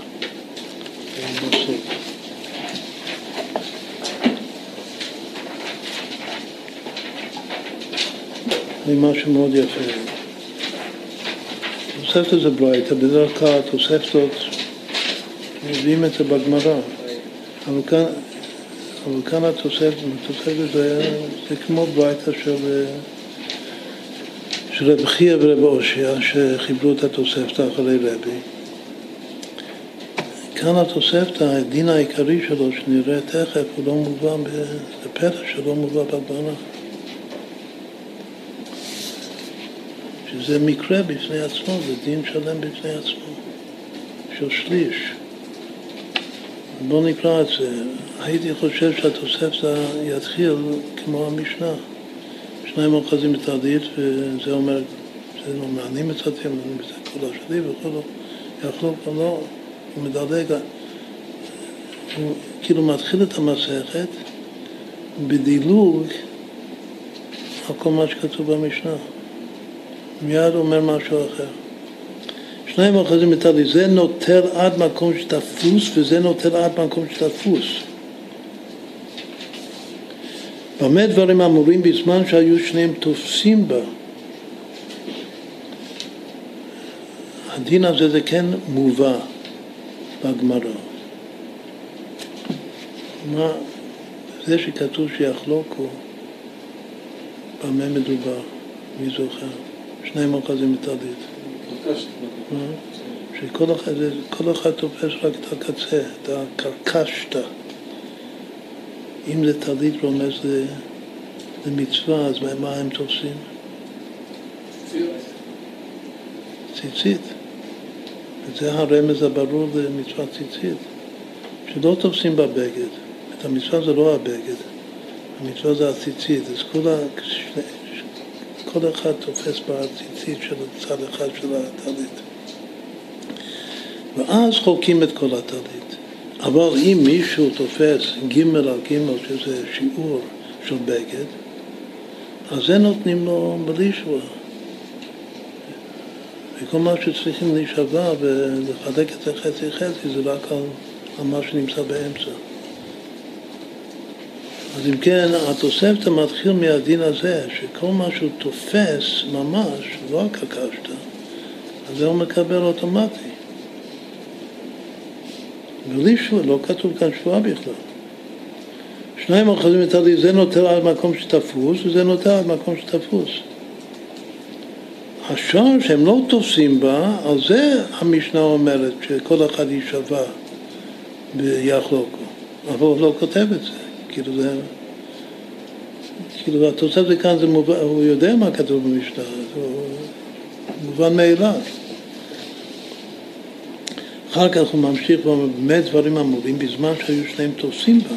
אבל אם הייתה בידו של אחד, אם רק אחד מחזיק והשני בא ואומר זה שלי, הוא, הוא חטף את זה ממני. של אחד מהם, אז מה הדין? הדין זה דין אחר בכלל, שלא מוזכר, איפה הוא מוזכר הדין הזה? המוציא מחברו עליו הראיה, מי אומר את זה? רש"י. זה הרש"י הראשון. זה לא כתוב במשנה. רק רש"י צריך להסביר את זה. שאם אחד מחזיק והשני רק טוען שזה שדי, אז תביא ראיה שזה שלך. איך קוראים לדין הזה, להכרעה הזאת? חוץ מהמוציא מחברו עליו הראייה, זו מילה שאמרנו קודם. קוראים לזה מוחזק. שאם יש מוחזק, אז המוציא מחברו עליו הראייה. אם שניהם מוחזקים, שזה שני, שניים אוחזים, שיחלוק. זה התוספות שלפני זה נוטל רביע. הסוגים השונים של ההכרעות. שהוא לא מביא, רש"י מביא את ההכרעה של המוציא מחברו. תוספות מביא עוד שני דברים, תכף נאמר את זה. בכל אופן זה, הוא מביא כאן דינים אה, חדשים.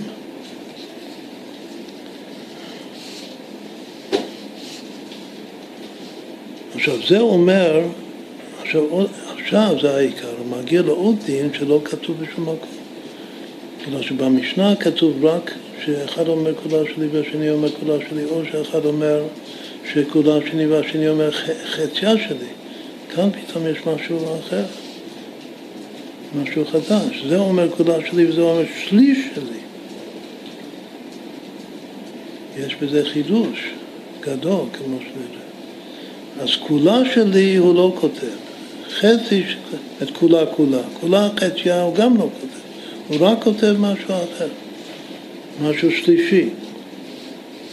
שזה אומר כולה שלי וזה אומר שלי, הוא אומר כולה שלי שווה שאין לו פחות מהי חלקים, אומר שלי היא שווה שאין לו פחות משטות, שזה שישית, כללו של דבר אין נשבע אלא חצי טוענו בלבד. עכשיו זה מה שנמוקי יוסף כתב בסוף. הוא ציטט את הסיום של, ה, של התוספתא הראשון כאן. הסימן שהוא יודע מהתוספתא.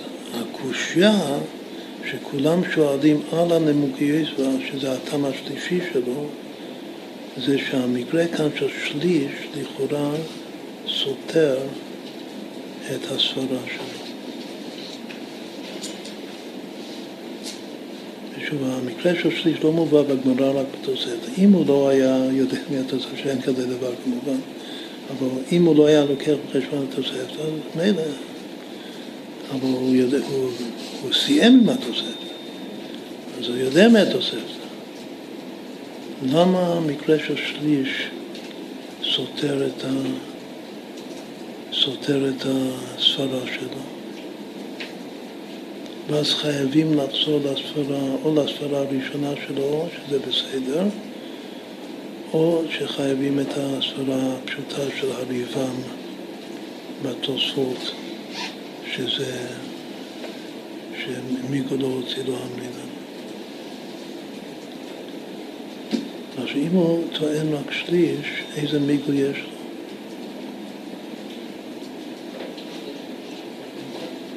שיכול לטעון כולה שלי ואז לקבל חצי. למה, זה, למה הוא פסל את המיגו? בגלל שיותר נוח לו לטעון חצי ולקבל את כל החצי מאשר לטעון כולה שלי ולקבל רק חצי. אבל כאן זה לא עובד לכאורה, בגלל שהוא רק טוען שליש, אז נאמין לו על כל השליש. לא רק לתת לו בסוף שטות. נאמין לו על כל השליש, בגלל שלא רק שהיה יכול לומר כולה ולקבל שליש, היה יכול לומר כולה ולקבל חצי. אז זה סימן שהוא ודאי דובר אמת. אם הוא רוצה לשקר, הוא יכול לשקר ולהרוויח. אז זה לא שקול. ככה זה נקרא, באחרונים קוראים לזה שאלת העולם על הנמוקי יוסף. וזה מה שהרבי מביא כאן. והמפרש האחרון שמתייחס לזה בעיקר זה תפארת ירושלים, שזה פירוש על רבי עקיבא עגל על המשניות. חשבתי שנלמד את כל הדברים האלה בפנים, כבר, כבר מתעייף קצת, אבל אה, אולי את הרבי עקיבא כן נראה. זה קוראים שאלת, שאלת העולם על הנמוגי יוסף. שהמקרה של שליש לכאורה עומד בניגוד להסבר שלו. למה לא אומרים את המיגו? עוד פעם, בגלל ששליש, תן לו את כל השליש שהיה יכול לומר כולה שלי ולקבל חצי.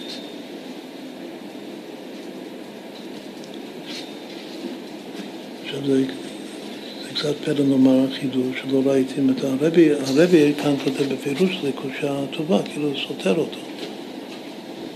הרב לא תירץ את זה קודם? מה? הרב בהסבר לא תירץ את השאלה? כשהרב הסביר. הרב תירץ כבר.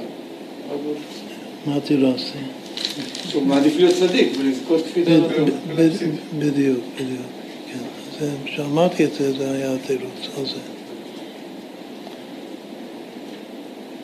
מעדיף להיות צדיק אפילו במקרה שהוא מפסיד. התירוץ שלו, של המגויס, הוא שהוא מעדיף להיות צדיק ולא להפסיד. כאילו זה שקול, אבל צריך לומר, כאילו להעמיק בספרה שלו, שאפילו להפסיד שטות, מה ההבדל בין חצי לשליש? גם שטות. אפילו שהוא מפסיק קצת, העיקר שיקבל את כל מה שהוא טוען. אז זה פלא שלא ראיתי אף אחד שאומר את זה. זו סברה פשוטה. זו סברה חשובה עוד פעם, בגלל שכל המסכת כאן זה נפש. זה נפש האדם. מה?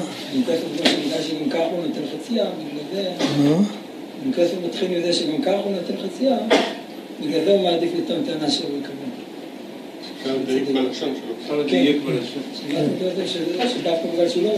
כן.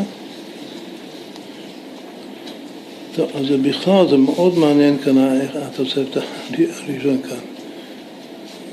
כי איך פותחים את המסכת.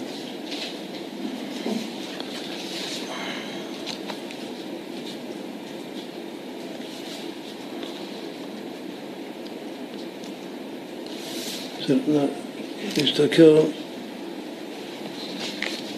יש פה הרבה הרבה דברים לעשות, לא נספיק הכל, נזהר ממנו. נפתח את הדף הראשון, העמוד הראשון.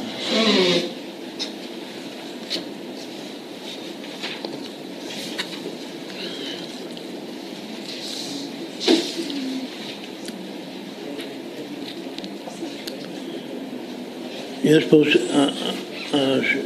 שני תוספות כאן, שזה מאוד מאוד חשוב, זה יסודות של כל המסכת זה ויחלוקו וזה נותר. מה, שד... מה שאמרנו עכשיו, זה התוספות, זה, זה נותר רביע. אבל לפני כן יש תוספות ויחלוקו, שמה זה כאן? תימה. דמי שנה מההידה ארבע, ואמר כל דאלים גבר, בפרק חזקת הבתים. יש ספינה בנהר, ושני אנשים רבים שם מהספינה. אף אחד לא מוחזק בזה. אין אף אחד ראיה יותר מהשני. אז מה, מה בית דין אומר? מה הפסק? שני אנשים רבים על דבר שאף אחד לא מוחזק בו.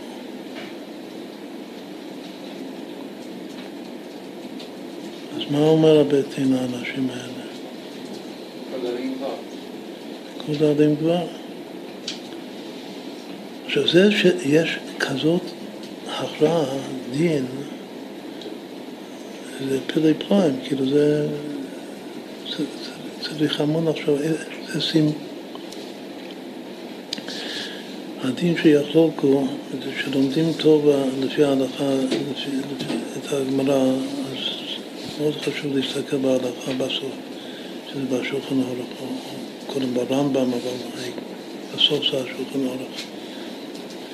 אז אה, הסימן הוא שהדין יחלוקו בשולחן ערוך זה חושן משפט סימן חלק. יחלוקו, כל הדין שיחלוקו זה קל"ח.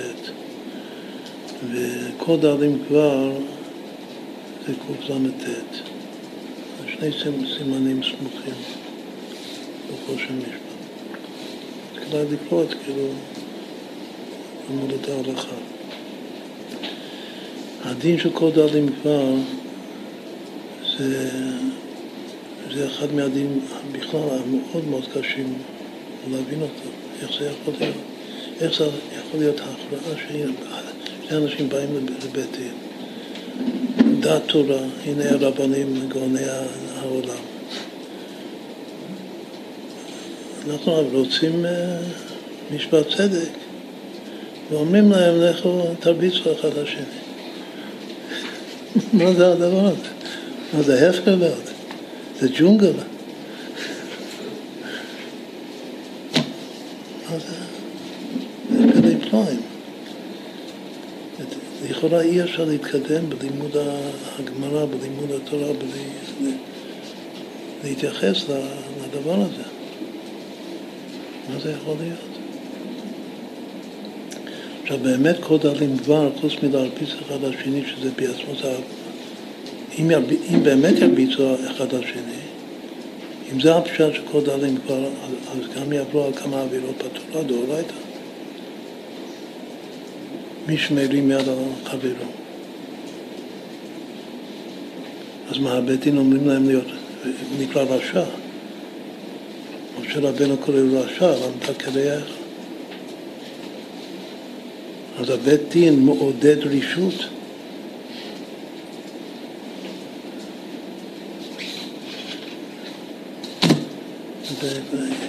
אי אפשר להתקדם ברגע שרואים כזה דבר. באמת יש שני, שתי אפשרויות, מה זה נקרא דאלים כבר, או שמרביצים אחד לשני, או שמנצחים בראיות, שעושים מאמץ, כל אחד עושה מאמץ על להביא ראיות, עד שאחד אחד גובר על השני, דאלים כבר גובר על השני בראיות שהוא מביא. אבל זה הפירוש השני. הפירוש הראשון זה פשוטו כמשמעו. טוב, עכשיו זה פלאי פלואים. אז מתי אומרים את ה... יש עוד סימן בשולחן אורך בהתחלה, מתי אדם עושה דיני עצמו. זה גם כן לכאורה עם מכות. שזה, שזה שיש גושפנקה להביא לכאורה במכות. זה אי אפשר להבין את זה. צריך לחפש, יש ודאי התייחסות לזה.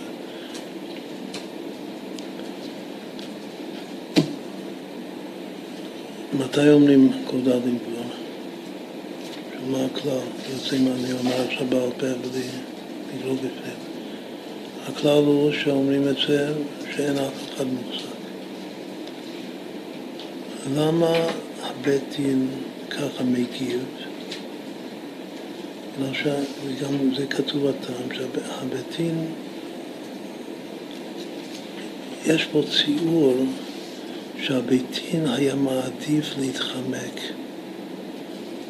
מכל דין, הוא לא מחפש לדון אנשים. הציור כאן שכל הבית דין הזה זה מוסד בדיעבד. באמת, אנחנו רואים שזו שיחה של הרבי המפורסם, ששוטרים, שופטים ושוטרים, תיתן לך, שוטרים זה בפירוש בדיעבד. לכן לעתיד לבוא יהיו רק יועצים במקום השוטרים. אבל הציון הוא שגם השופטים זה בדיעבד. מחשבים איך כולם צדיקים, אז כולם מסתדרים יופי אחד מהשני. לפעמים אחד צועק על השני קצת, לפעמים נותן לו איזה פש, משהו, אבל מסתדרים. הכל, הכל יוצא טוב. הבית דין אומר שמה לי ולצרה הזו, שני אנשים באים כאן רבים על הספינה. מה יש לי לעשות כאן במקרה הזה? מה לי ולצרה הזו? לא צריך את זה. לכן אני, אני מסתלק. ואתם תסתדרו. יש עוד דינים שהבית דין מסתלק, ואז אתם תסתדרו. זה מאוד מאוד קשה להבין, אבל זה משהו יסודי מאוד לגבי כל, ה, כל המשפטים.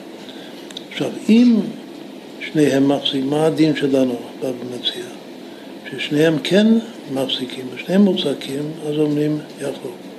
מה הדין של רש"י אמר, שזה בעצם כתוב, זה הדין בפירוש של התוספתא, שאם רק אחד מוחזק, אז מה הדין?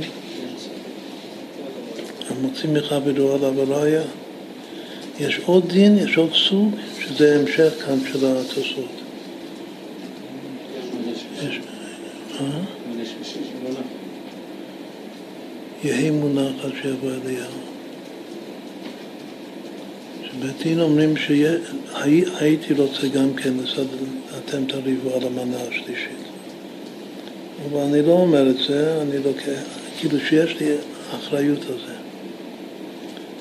אז בקוד העלים כבר אין לי אחריות. אבל במנה שלישית יש לי אחריות, ולכן אני צריך לשמור את זה. יש שאלה איפה שומעים את זה בבית דין או באצל הנפקד. אז כמה דינים, כמה הכרעות יש לו, מיד על ההתחלה של המסכת. שזה נושא גדול מאוד. יש ארבע. מה הסדר שלהם?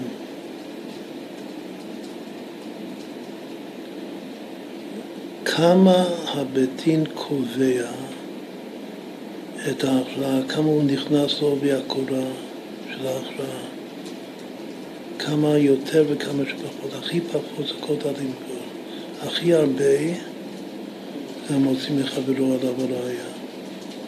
כלומר שאם מישהו מוחזק, הבית דין מייפה את כוחו מאה אחוז.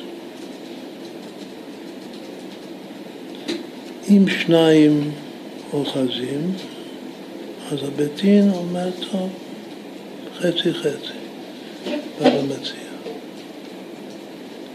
אם הסיפור של המנה השלישית,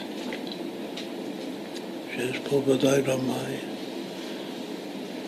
עכשיו זה נוגע לאלקטיה של המחלוקת רש"י ותוספות. יש ודאי רמאי, באלקטיה, אף על פי שיש ודאי רמאי, אבל בכל זאת החלוקה יכולה להיות אמת. לכן יש מחלוקת.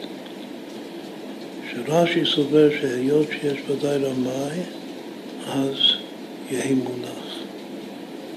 תוספות אומרים, היות שיכול להיות בכל אופן שהחלוקה תהיה אמת, אז אומרים, יחלוקו.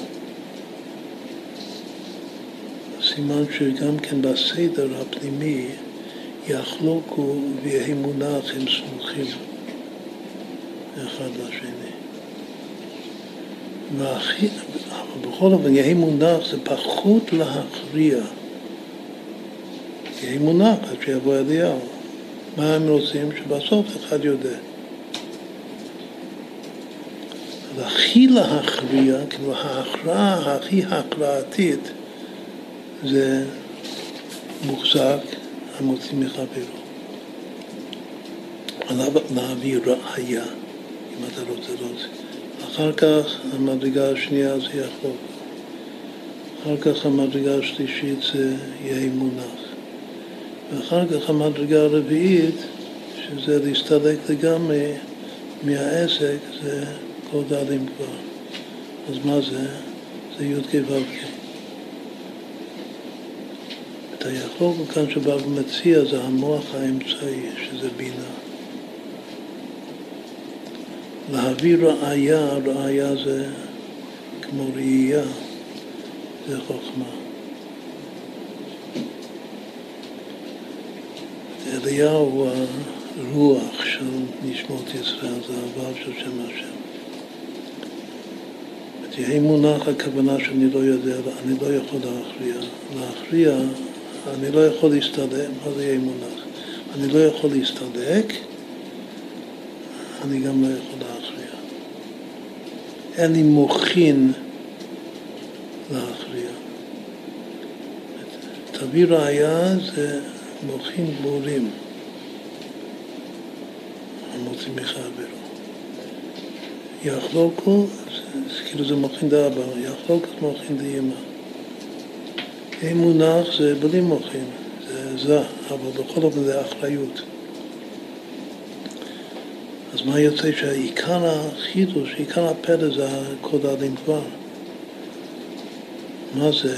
מה זה, מה זה הפקר ולט? כאילו ג'ונגל, מה, מה זה? זה מלכות. זה הממשלה. זה קוד העלים כבר. הראשון של תוספות, מה? הרצף של תוספות קצת משמע הפוך, שהכי מסתבר זה להסתלק, לא להתערב.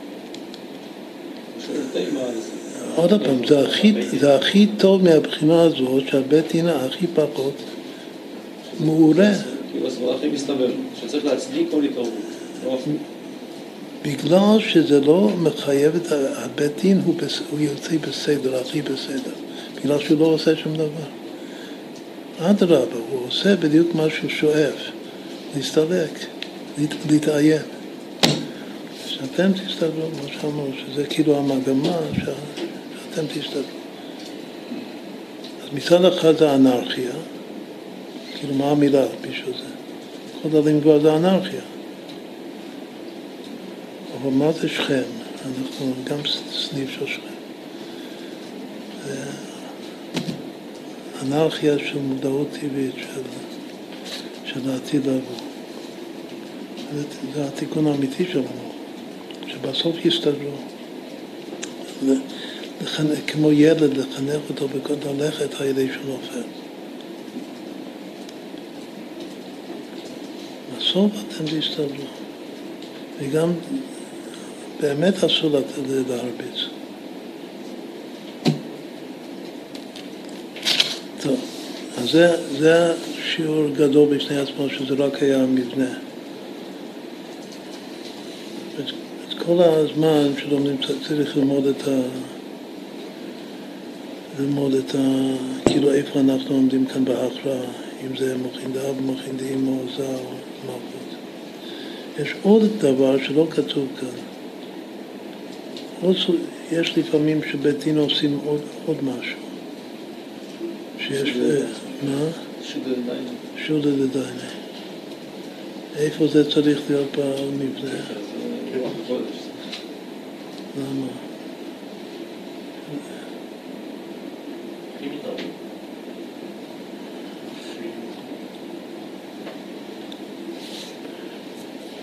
באמת זה שייך לזה, בא מהכתר, זה גם מכתם, מה זה מכתם? מכתם לדוד, מה, כתוב שם? זה מכתר לאן?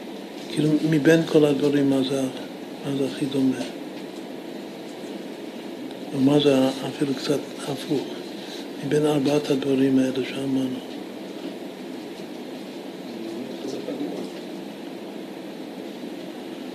אבל באיזה סוג דין זה? זה סוג דין שאי אפשר להכריע. מתי אומרים שזה זה? אז מה זה דומה? זה דומה ל- ליהי מונח. רק מה שבמקום לומר יהי מונח, אומרים, קח לך, הילך. זה- זה- עכשיו ידוע שיש מחלוקת מה, אם זה מה שמעדיפים או זה, או לא. אז אם יהי מונח שם רוצה בבק, ב... ב... בזה, אז איפה יש שודה זה?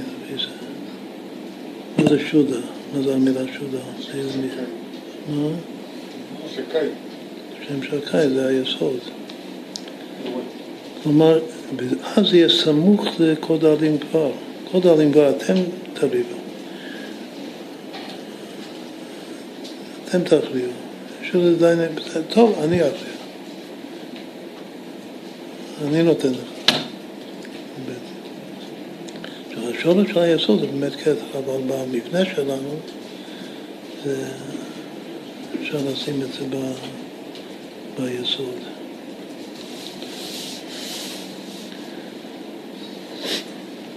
עכשיו, זה היה ויחלוקו, אבל נקרא כאן את ה... זה נותר רביע.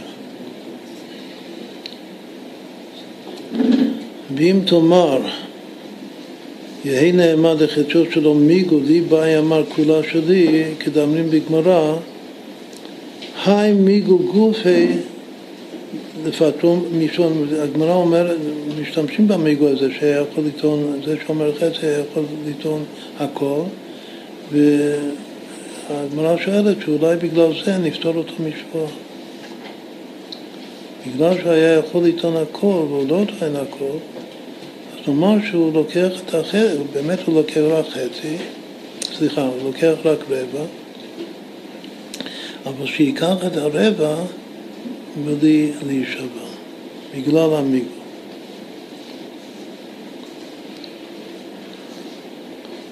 היא לא משום, אז למה לא אומרים את זה? לא אומרים את זה בגלל אי ערום מכמהרים, שהוא מעדיף להפסיד חצי ולא להישבע, להפסיד רבע ולא להישבע, מאשר אה, לקבל חצי ולהישבע. אז כאן זה דוגמה. מה שאמרנו קודם, שאחד מעדיף להיות צדיק אפילו שהוא מפסיד, כאן יש סברה בגמרא שאחד מוכן להפסיד ולא להישבע. ובגלל זה לא אומרים את המיגו. לפתור אותו משבועה. הוא מפרש ריבם, מי זה ריבם?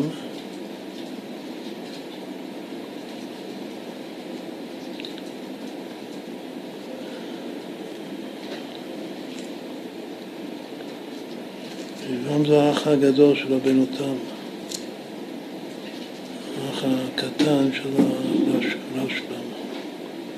שלושה אחים. מי אבא ואימא שלהם? מה? מאיר שנשוי ל... למי? בת של רש"י. איזה בת? היו שלוש בנות לרש"י.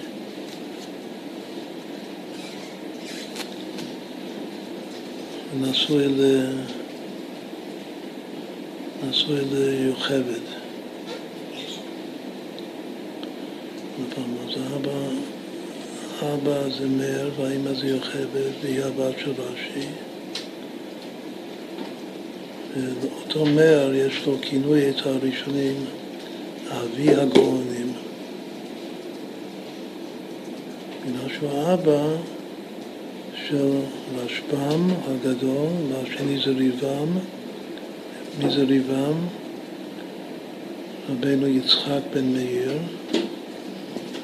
שהוא נפטר בגיל צעיר או בחיי אוויר. ואחר כך רבנו תם. היה עוד אח בשם שלמה, שהוא נולד אחרי שרש"י נפטר, נקרא שם רש"י, ועוד אחות בשם מרים. של רש"י. מה? יצחק של רש"י? ש- של- יצחק, כן, יצחק זה אבא של רש"י, כן. ריבם, כן. יש הרבה יצחק, כמו, כמו רי. זה הכל על שם אה, אבא של רש"י.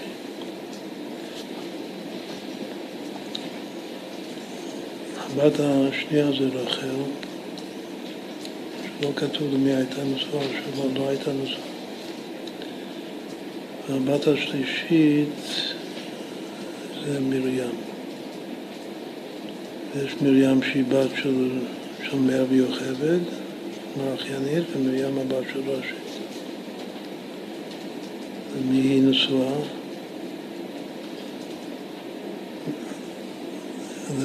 ריבן, מי זה ריבן? רבינו יהודה בן נתן.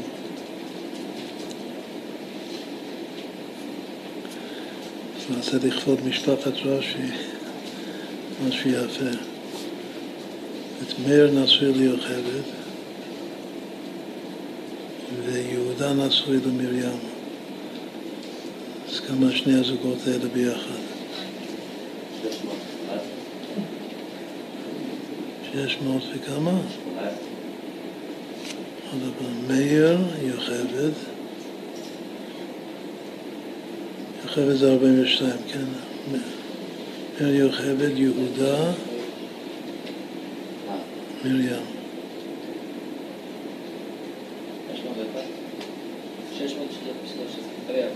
תרי"ג. עכשיו, רחל לא נשואה. זה שהיא לא נשואה, היא נשואה לאבא שלה. כמה זה יצחק, כמה זה שלמה רחל.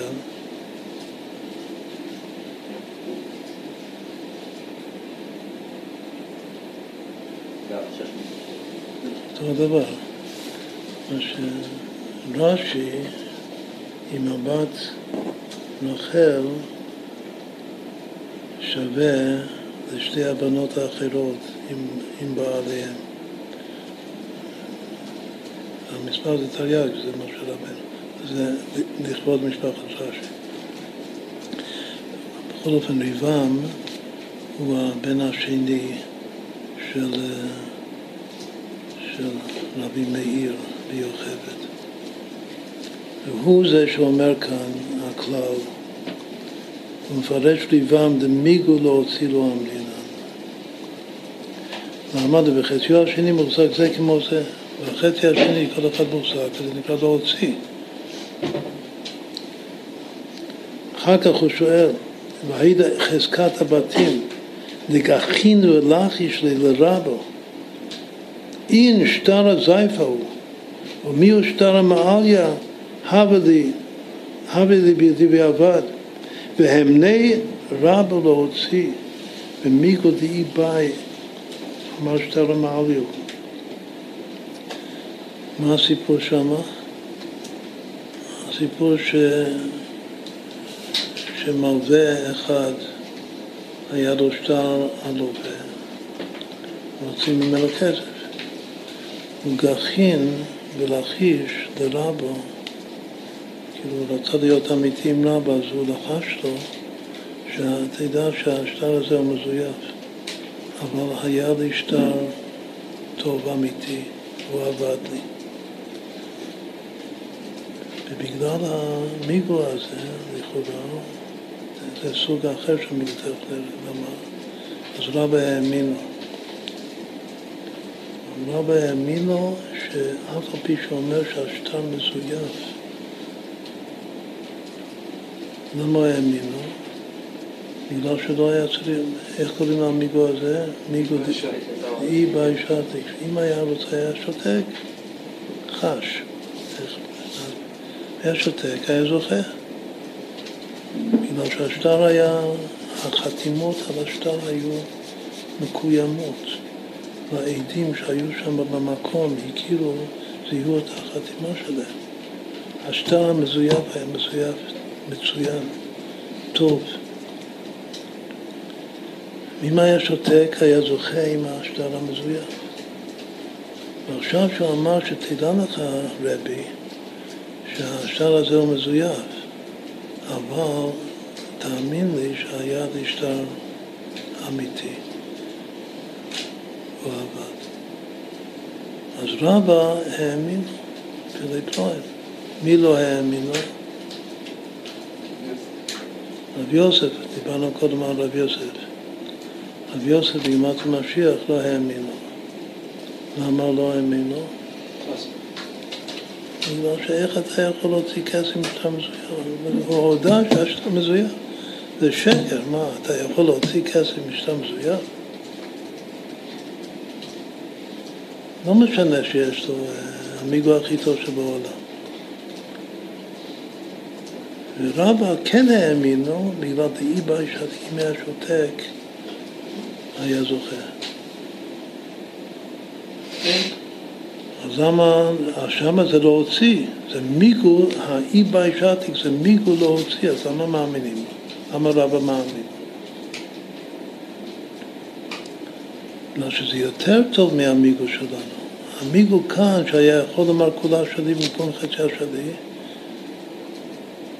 זה לא מיגו דיבה שתיק, הוא היה צריך לשקר. לשקר שקר יותר טוב. וכזה מיגו לא אמרינן. אבל מיגו של אי בי שתיק כן אמרינן, אפילו לא הוציא. זה מה שתוספות אומר. זה מה שהוא אומר. הטם היינו תם משום זה אפילו היה שתיק, רק שלא היה מודה שהוא מזויף, היה נאמן, כי החתימה הייתה ניכרת לעומדים שם. החתימה של העדים זה היה ניכר שם. ורב יוסף הוא חולק עליו. איתלי דאפילו מיגו לא הווה, אין פה שום מיגו, הכל בטל ומבוטל ברגע שהוא אומר שזה השטר הזה הוא מזויף, אז, אז גמרנו את הסיפור הזה, זה, זה לא שווה כלום, הנייר הזה. כיוון ש, ש, שטענה ראשונה שהוא טוען בהשטר הוא שקר, ואין לומר מיגו אלא היכש טענתו ראשונה היא אמת. לרב יוסי יש קו פשוט מתקבל על הדעת, שמיגו זה רק לאמת את הטענה הראשונה. זה הכוח של מיגו. שאם הייתי רוצה לשקר, יש לי שקר יותר טוב. אז מה זה אומר המיגו? שמה שאני אומר זה אמת. אבל אם אתה בעצמך מודה שמה שאני אומר זה שקר, אז אין, אין פה מיגו בכלל, אין פה זה פלא שרבא סובר הפוך. הלכה זה גם כמו רבא. הוא אומר שלא רק שזה מיגו, זה מיגו הכי טוב. איבאי שתיק. זה פלאי פלואים.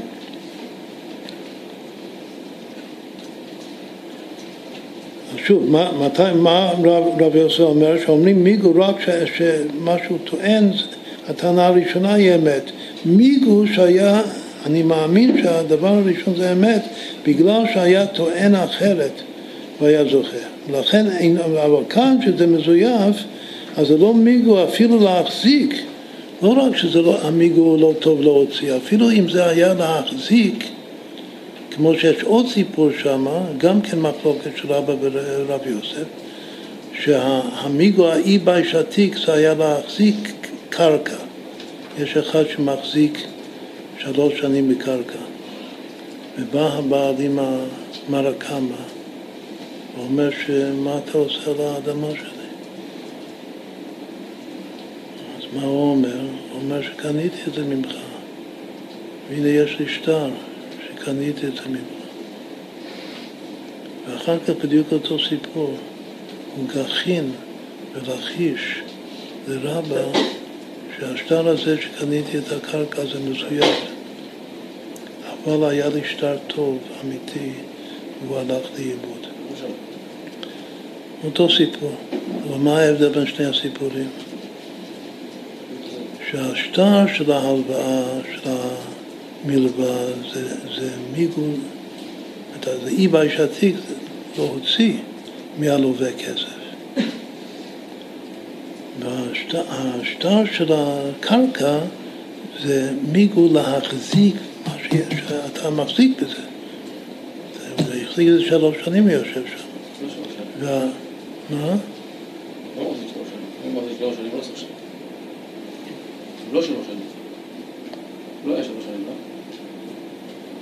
אם שלוש שנים הוא יכול לעשות שלך. צריך להסתכל בעובדה, למה אתה אומר שזה לא היה שלוש שנים? זה לא צריך. יכול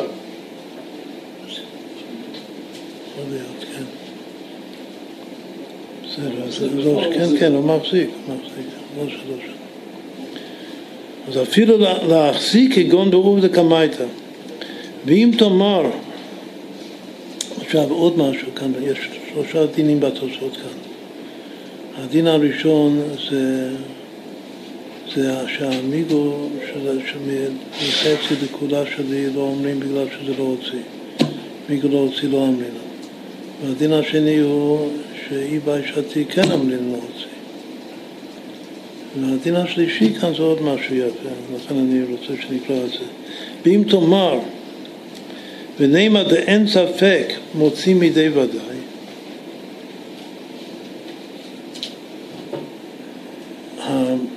מי שאומר כולה שלי, אחד אומר כולה שלי, השני אומר חצי השני. אז על החצי המוסכם אנחנו מאמינים לו מאה אחוז, זה ודאי שייך לאחד. וכל המחלוקת, הספק כאן למי זה שייך זה על החצי השני. אז אולי נשתמש בכלל שאין ספק מוציא מידי ודאי, ואז ניתן את כל הטלית לזה שאומר כולה שלי, ושום דבר לזה שאומר חצי השני. כאילו שאין ספק, מוצאים מידי ודאי. למה לא אומרים ככה? הוא אומר כולה שלי יש לו בוודאי חציה, ואומר חציה שלי ספק אם יש לו בה כלום. אולי אין לו כלום. אז יש פה ודאי ויש פה ספק, ויש כלל שאין ספק מוצאים מידי ודאי. כדאמרים בפרק החולה, ספק, ספק ויבם. מה זה ספק ויבם? ש... אח מת בלי ילדים, והאח שלו ייבם את אשתו ונולד ילד אחרי שבעה חודשים. אז לא יודעים אם זה תשעה חודשים לראשון או שזה שבע חודשים לאחרון. כמו שהילד הזה לא יודעים אם זה הבן של האח שנפטר או שזה הבן של האח שייבם. אז, אז הוא ספק. עכשיו הסבא נפטר. אז אם הסבא נפטר יש ירושה. אז הבן שייבם הוא ודאי יורש.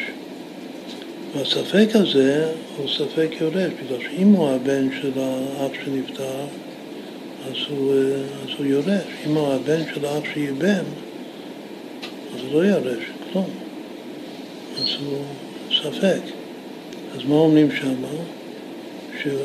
שהדין אומר שהוא לא מקבל שום דבר.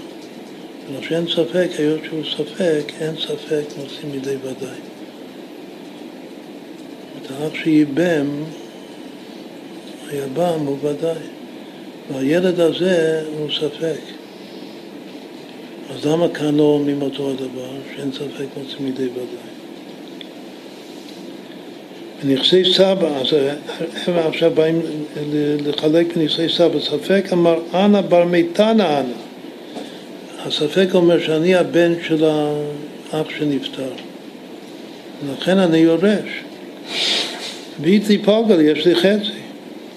ויבם אמר, היבם אומר, את בנה דידי, זאת אומרת שאתה הבן שלי, לכן אין לך כלום.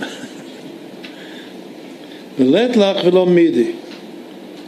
הווה ליבם ודאי, אז היבם הוא ודאי ספק הוא ספק, ואין ספק מוצאים מידי ודאי.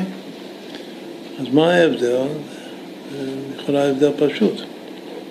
ויש לומר דהתם יבם שהוא בנו של, של סבא, הווה ודאי יורשו, ולא יוציא הספק מספק, ולא יוציא הספק מספק ממונו, אבל הכא אין הספק לא יוצאים מספק את ממונו של מישהו ודאי. זה נקרא שאין ספק מוצאים מידי ודאי. אבל ההכה אין סברה משהו ודאי בחציו שהועיל לו לחציו השני. שמה הוודאי, שזה היבם, הוא ודאי. הוא ודאי יורש ביחס לכל נכסי אבא שלו. יש לו דין יורש. עכשיו, אם אין אח אחר, אז הוא יורש את הכל. יש, הוא ודאי יורש, יש לו דין יורש לגבי הכל. רק מה, שאם יש עוד אח, אז מתחלקים חצי חצי. אבל יש לו דין יורש בוודאי. והספק, שלא יודעים בין של מי הוא, לא יודעים אם בכלל יש לו דין יורש. אולי אם הוא בן של ה... בן של, ה... של, ה... של היבם, הנכד של הסבא, אז אין לו בכלל דין יורש. הוא ספק. אז אין, שם אומרים שאין ספק מוצאים בידי ודאי, אבל כאן זה לא ככה. כאן משהו ודאי, הוא לא ודאי לגבי כל הטלית. אין לו דין ודאי לגבי הטלית, יש לו רק דין ודאי על חצי של הטלית, שזה מוסכם. אבל לא מעבירים את הדין ודאי על חצי מהטלית לחצי השני, שם יש מחלוקת, ואין לו שום עדיפות לחצי השני יותר, מה, יותר מהשני שאומר שחצי השני. לכן את החצי השני, אין פה, אין פה אותו דין ודאי, הוא ודאי רק על החצי. אבל שם יש לו דין יורש בעצם על כל הרכוש, על כל הנכס של הסבא. כך הוא מחלק, זה כאילו חלוקה פשוטה. רק זה, מה זה יכול לומר בפנימיות.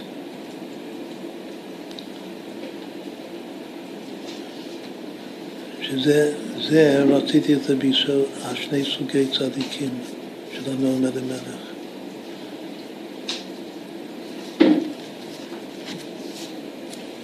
בוודאי, בוודאי זה נקרא ש, שזה אמת ודאי. שאני מאמין במאה אחוז. ודאי זה בחינת צדיק.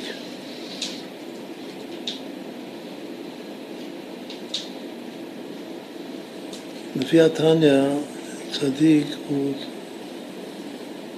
יש צדיק שאינו גמור, אבל גם אינו, גמור הצדיק הזה, הוא, בעצם, הוא, שייך צדיק להכל. הוא, הוא, הוא מתקן את הפנימיות שלו, הוא לא בינוני. יש צדיק שהוא רק צדיק על דבר אחד, עכשיו זה נוגע מאוד לשיחה של הרבי כאן. הרבי פה, החידוש כאן, שהוא כתב את זה בשביל בני הישיבה, וכל ה... אחרי הניגלה בהתחלה והניגלה בסוף, שזה העיקר הבשר כאן, אבל כל האמצע שזה ההסבר על פי חסידות, הוא לא, הוא לא מזכיר בכלל לא תניא ולא שום ספר חסידות. כאילו שהוא כתב את זה בשביל המסנגדים. הוא כתב את זה כאילו בשביל לתת טעם מפנימיות למי שאין לו שום, שום קשר, כאילו שהוא לא רוצה לצטט טניה בכלל, או כלום. עכשיו, מה העיקר העבוד שלו? העיקר העבוד שלו שצדיק בינוני ורשע זה יחסית. שבדבר מסוים, בדבר אחד אתה צדיק, זה בדיוק ההפך של הראש של התניא. פלא הדבר הזה. הראש של התניא שאם אתה צדיק, אתה צדיק לגמרי. אין כזה דבר שאתה חצי צדיק וחצי רשע. חצי צדיק וחצי בינוני. אבל זה מה שרבי כותב כאן. שאפשר להיות בעניין מסוים צדיק, אפילו צדיק אמור בעניין מסוים, וזה לא נוגע, בדבר אחר אתה בכלל לא צדיק. אותו דבר בין ואותו דבר רשע. זה מאוד מאוד מעניין וחשוב להבין את הראש הזה.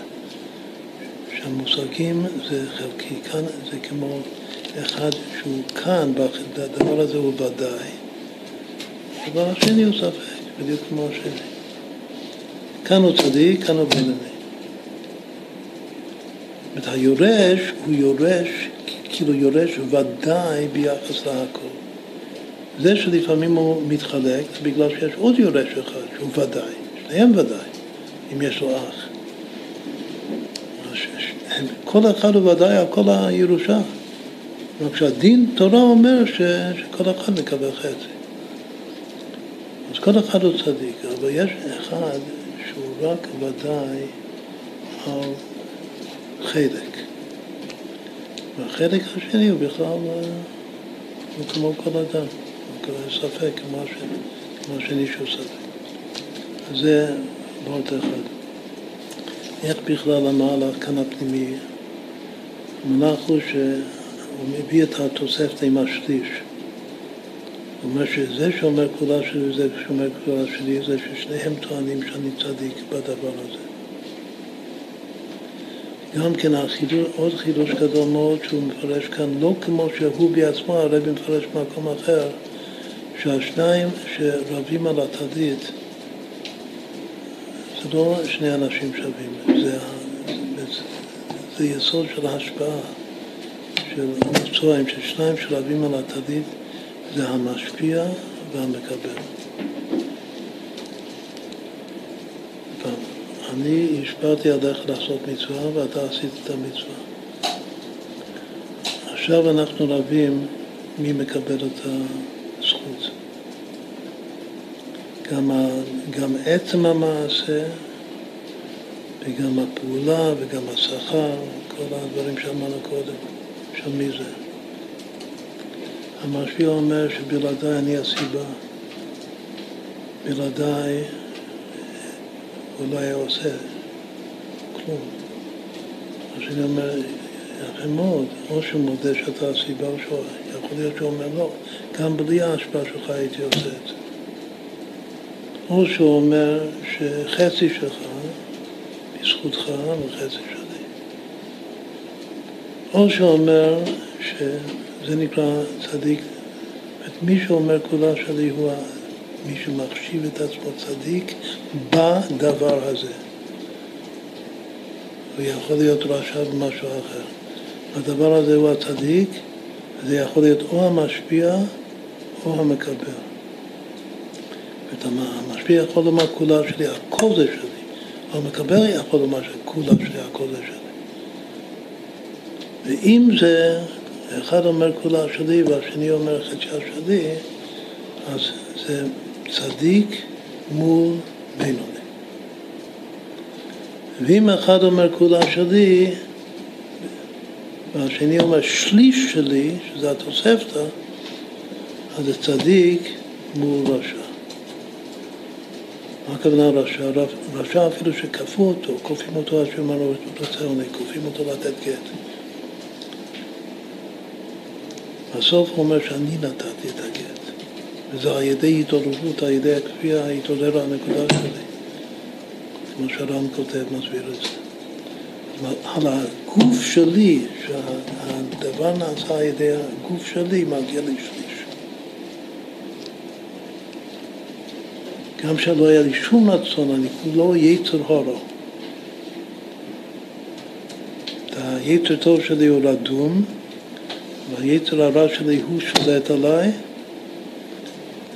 ואתה עשית אותי כמו גדול המעשה, אבל בסוף אני נתתי, היד שלי נתן, אפילו שזה היה בכפייה.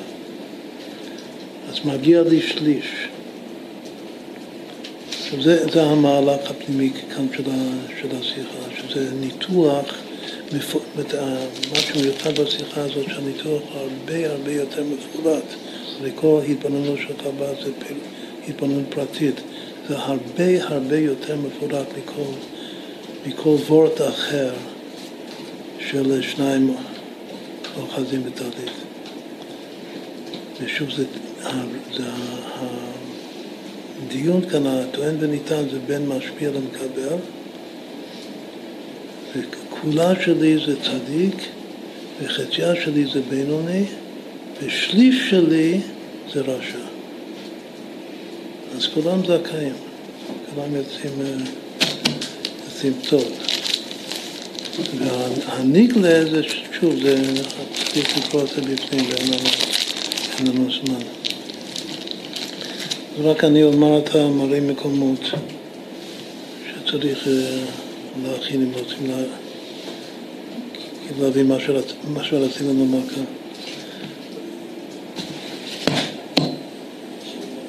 היום בהשגחה פרטית, זה, חוץ מזה שזה יסוד סמכם תמימים היום, זה י"ק באלול, י"ק זה שכינה ביניהם, זה השכינה ביניהם שאני לדודי ודודי לי.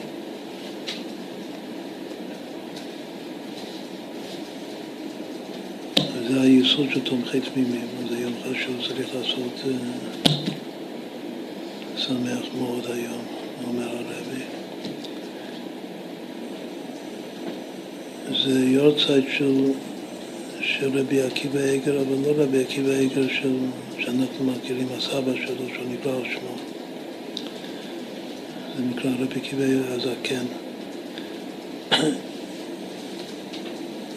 שהוא נפטר בגיל מאוד צעיר, בגיל 37. היה גאון עולם, זאת הנכד שלו זה רבי עקיבא, שכנראה גם ירש את הגאונות שלו. ופיתח את זה.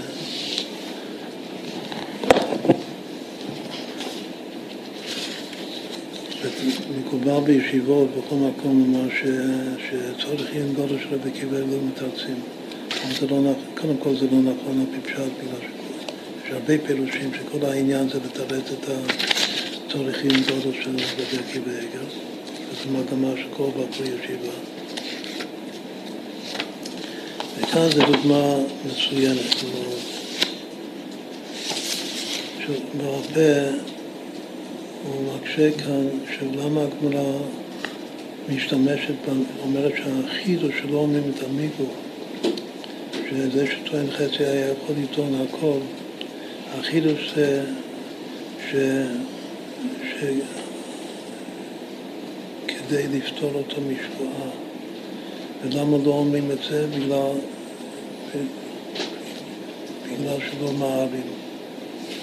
ידעו מכמה ערים, שעדיף לו לקבל פחות ולא להישבע. למה לא אומרים את הפשט של ליבם? שזה הרבה יותר חזק, ככה סובר רבי עקיבא, הוא אומר שהחידוש של, של, של מערים כמערים זה, זה פשיטה. והחידוש של ליבם, שזה, שזה לא, מיקו לא הוציא לו אמינם, זה חידוש, חידוש חזק. ואם זה האמת, שמיקו לא הוציא לו אמינם, אז הגמרא הייתה צריכה לומר את התירוץ הזה. אבל שזה עדיף, הוא משאיר את זה בתהליכים גדול. זה רבי עקיבא עכשיו, מה שמאוד חשוב לדעת, שאף אחד בינתיים לא, לא, לא אמרנו את זה, הכלל הזה של ריבם, שמיגו לא הוציא לו אמינן, זה מחלוקת עצומה של ראשונים. והיסוד שלו זה מחלוקת בחז"ל, גם המוראים, שזה גוף המחלוקת בין רבא ורבי יוסף, שראינו אותם עכשיו. אבל המחלוקת עוד יותר קדום של תנאים, זה מחלוקת של רבי ורבי נתן. ודווקא רבי אומר שכן אמרינן מגודו הוציאו, רבי נתן אומר שלא אמרינן. היות שרבא סובר כמו רבי נתן, פוסקים כמו רבא נגד, רובם פוסקים. אבל גם הפסק בסוף זה מחלוקת ראשונית. בית יוסף המחבר רק מביא מיגו להוציא לו המילה, ולא מביא את החוקים. הרמור רק בסעיף קטן אחד מזכיר שיש חוקים. למה בית יוסף לא מביא את החוקים? בגלל ששלושת הגדולים, את הריף, הרמב"ם והראש, סובלים כמו ריבם. לכן הוא לא, אף על פי שגדולי גדולי הראשונים, חמישה, הכי חזק, הרמב"ן, הרשב"א, הריזב"א, הר"ן, וגם הנמוקי יסף, כאילו עיקר השיעור היה להוכיח מתוך הנמוקי יסף שהוא מביא טעם, והוא לא מביא את הטעם של, של מיגולו צילו אמינן, ש, ש, חידוש, זה לא שלנו, זה התפארת ירושלים על רבי עקיבא איגר, שהוא רוצה שהמשנה תצא טוב גם לדת רבי.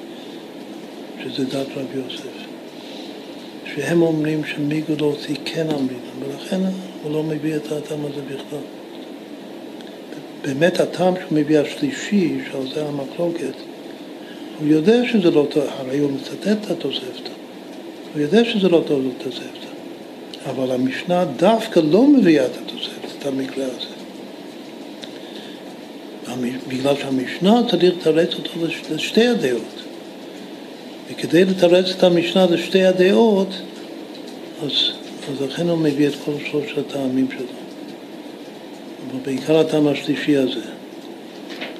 הוא לא מביא בכלל את המגדול צילו אמרינה.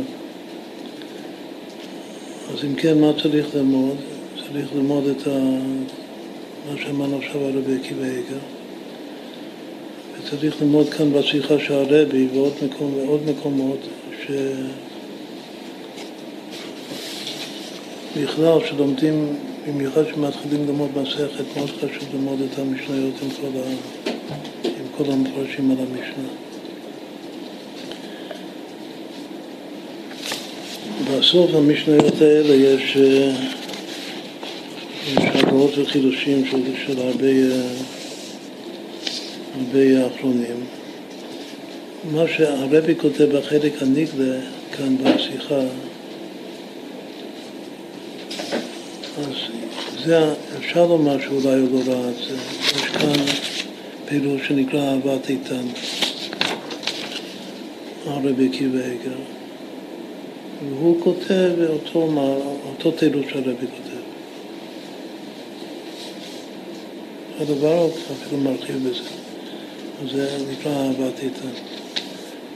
הרבי כן מביא את התפארת ירושלים, ולא את כל ה...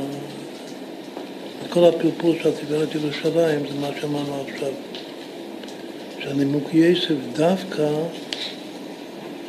סובר, או שהוא סובר ש, שמיגו להוציא כן אמינן, מה שהוא חולק על ריבם, כמו, הרבה, כמו הרב שלו, הרי תמיד של הר"ן, כן, והר"ן.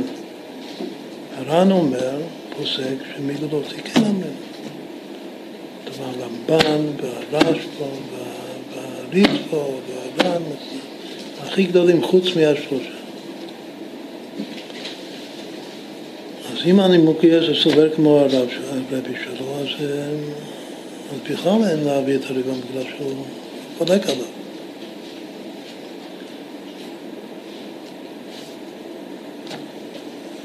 ולפחות מה שהתיברת ירושלים אומר, הוא רוצה שהמשנה יצא טוב לדעת כולם, לכן הוא לא מביא אותו. צריך ללמוד שם את התיברת ירושלים, את הפירוש הזה שנקרא אהבת איתן. לגבי, אני רואה שיש לכם את הגמרא הזאת של חב"ד. בסדר. והגמרא, לא, גם, אני רק אומר עכשיו מלא מקומות כדי להשלים את השיעור. בגמרא של חב"ד יש את רבותינו נשיאנו. בסוף כתוב כמה מהלכים ב... קודם כל זה חידוש, אני לא מבין למה הם לא הדפיסו את זה. את, את הדבר הזה מהרבי הם לא הדפיסו משום מה? אה, בגלל שזה מנדל. יכול להיות.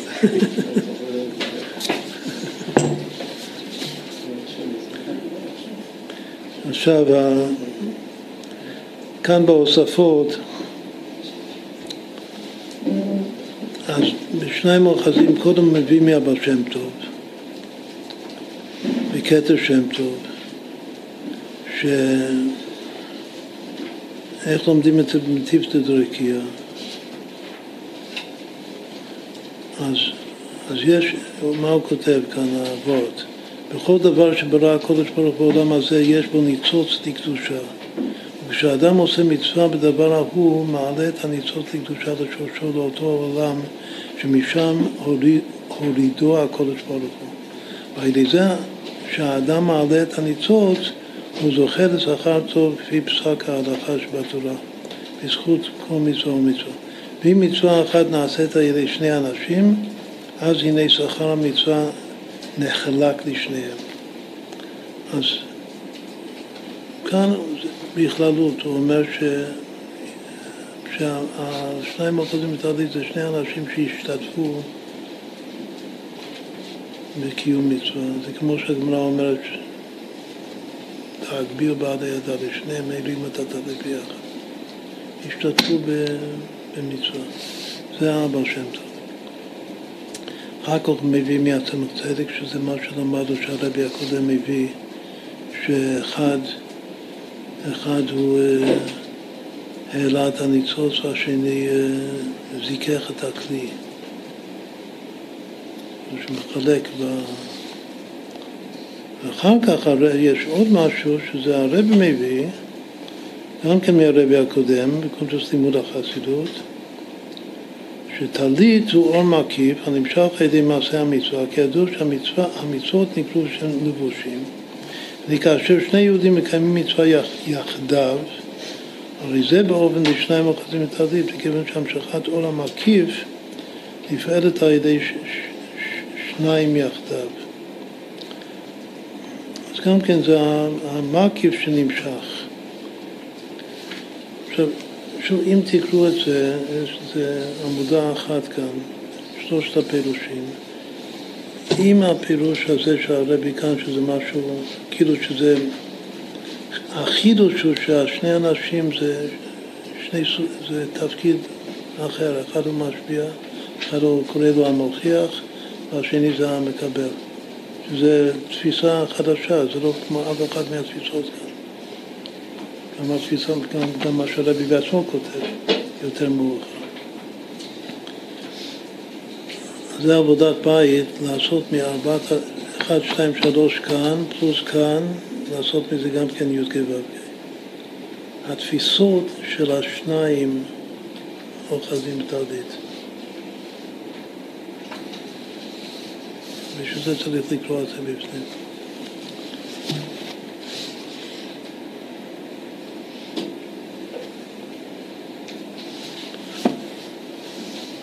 גם כן התירוצים של זה אומר, של למה לא אומרים מיגו. אז יש מיגו להוציא לו אמרינן בשלושת הפירושים של הנמוקי יסף. גם זה צריך לעשות י"ק ו"ק. והכלל הוא, כאילו המפתח לזה, הוא שהעזה, את כל העניין של מיגו זה העזה, כן אמרים, לא אמרים לנו, העזה זה מלכות. יתר זית ויתר עוז, עוז מלך, ויתן עוז למלכו. אז יש הרבה העזה, יש עוד סוג של העזה, יש הפירוש העיקרי של הנמוקי יסף, שזה עדיף לו לטעון טענה שהוא מקבל את הכל מאשר לטעון טענה שהוא מקבל רק חצי. זה כבר סברה פנימית, הרבה יותר רך משתי הטענות של העזה. ויש בכלל את, ה, את המיגו לא הוציא לא, לא אמרינם בכלל. זה י"ק ו"ק, עכשיו אמרתי את הסדר מלמטה למעלה.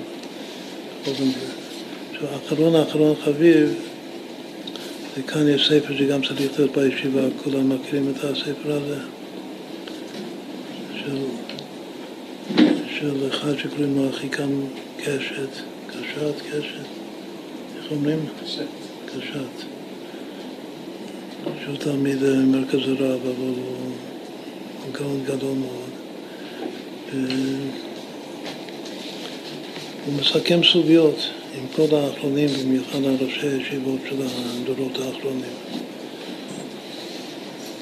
וכאן תסתכלו במגלו הוציא, מגלו הוציא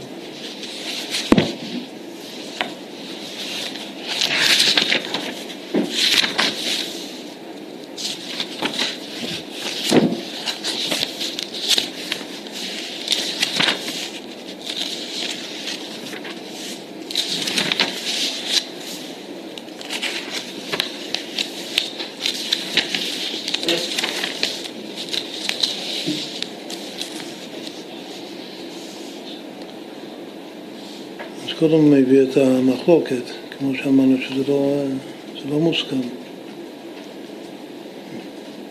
הדין של ריבם. בכלל לא מוסכם. ואחר כך הוא מביא שהיות שככה בכל זאת פוסקים שמיגודו הוציא לו אמרינן, אז מה הטעם?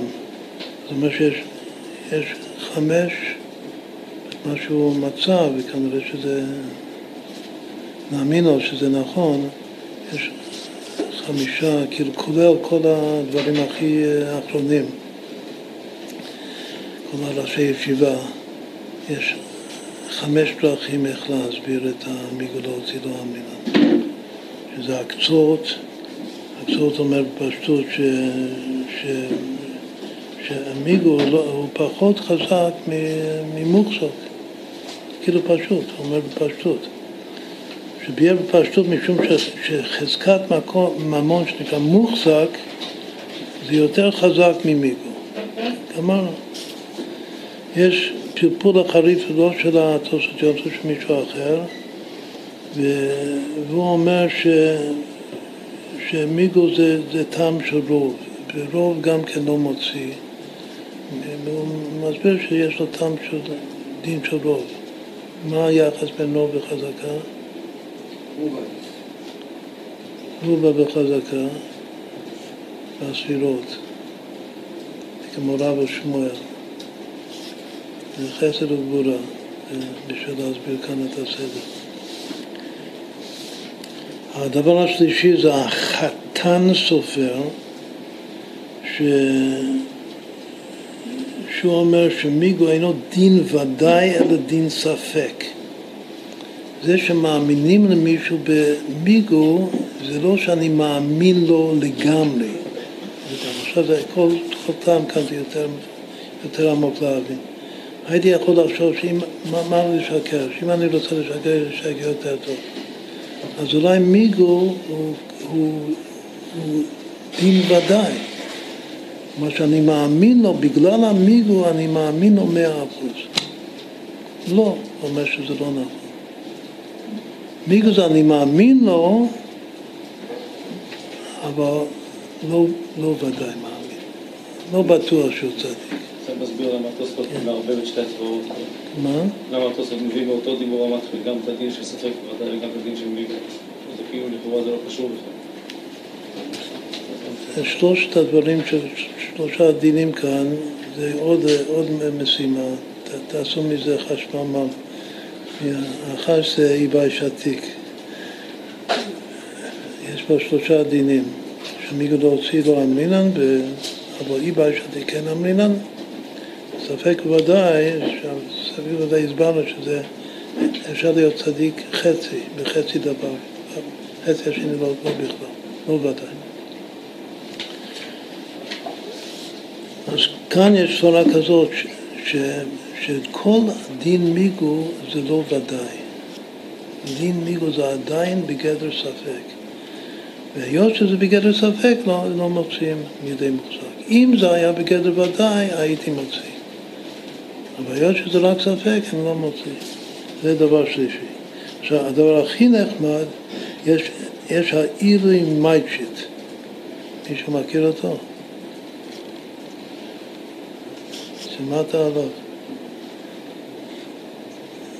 גם כן, זה, רב חיים אמר עליו שהוא היה ילד, שהוא היה ילד בן 12, הוא כבר התקבל בישיבה הגדולה של, בלוז'ן. הילד הכי צעיר. ורב חיים, שהיה שם ביחד עם הציבה, ראש ישיבה, הנציב היה ראש ישיבה העיקרי ורב חיים היה המשנה לו. אז הוא התבטא שאילו משונה כזה לא ראיתי מימיי. המשונה דכאילו, הזר משונה דכאילו, כמונית כזה. משהו מיוחד. אחר כך, שהיה, אחרי שנה, שהיה כבר בגבולות שנה, היה לו בר מצווה. את מסיבת הבר מצווה שלו עשו אצל הנציב בבית. ו... ואז הוא אמר, הוא הכין דרשה בעצמו. ואז גם כן רב חיים אמר שהדרשה הזאת שהוא אמר בעצמו בבר מצווה, זה היה צריך לשיר כלולי בכל הישיבה. בכל אופן, הוא התגלגל הרבה דברים, בסוף הוא הגיע לישיב יוניברסיטי רבי יצחק אלחנן בניו יורק, שש שנים האחרונות שלו היה ראש וגם גיל, הוא נפטר בגיל צעיר, בגיל חמישים. זה קוראים לו האילוי ממייטשיט. אז הוא חידש כזה משהו, זה רואים שכאן בדוגמה הזאת רואים שהוא משונה דכאילוי. הוא אומר ככה, שכל הגדרת מיגו הוא שטוען טענה גרועה. מיגו הכוונה שלמה הוא אמר דבר, טענה גרועה במקום טענה טובה. זה הראש, ההצדקה שלי. כאן, אם הוא אמר טענה גרועה במקום טענה טובה, סימן שהוא דובר אמת. בגלל שיש לו טענה טובה. אז מה זה מיגו? מיגו זה שהוא טוען, כרגע הוא טוען טענה גרועה. אחרי, לאחר שאנו מאמינים לטענתו במיגו, אם אנחנו נאמין לו, זה קצת מזכיר את הנימוקיות, את הראש שלו. אם נאמין למיגו, אז זה הופך את הטענה הגרועה לטענה הכי טובה. כמו הנימוק יוסף, שעכשיו אם ניתן לו את החצי בגלל מיגו, שהיה יכול לומר הכל, אז זה שהוא טען חצי זה יותר טוב מאשר שהיה טוען את הכל. הוא בחצי גם מקבל את החצי וגם יוצא, כמו שהסברנו, שהוא יוצא צדיק. לכן נוח לו. אז המיגו הופך את הטענה הגרועה לטענה מעולה, הכי טוב. אבל ברגע שהוא טוען טענה טובה, אז זה מבטל את המיגו. שהמיגו זה בגלל רק שהוא טען טענה חלשה שיש לו טענה יותר טובה. אבל ברגע שזה יותר טוב, אז כבר זה ביטל את המיגו. שזו הטענה הכי טובה מה שהוא אמר. אז אין מיגו. אז זה חזר להיות טענה גרועה. אבל ברגע שזה טענה גרועה, יש לו מיגו. וככה זה חוזר חלילה עד אין סוף. במקרה שלנו הטענה היא לא גרועה. מה? במקרה שלנו הטענה לכאורה היא לא גרועה. אין חולשה בטענה. מה שכן, מה? נגיד חצי השני זה יותר חלש באיכות של הטענה. לא מדבר איכות על החצי של הטענה, הוא רק טוען חצי במקום הכל. הוא קורא לזה טענה גרועה, בגלל שיש לו, טענה יותר טובה, יש לו טענה יותר טובה. לא, זה לא גרועה באיכות, לא משנה. מתי אומרים מיגו? מה? מתי כן אומרים? מחזיק. לא להוציא. כן, להפסיק אומרים, אבל זה לא בגלל שזה כל הזמן מתנדנד, כאילו זה מעגל קסם.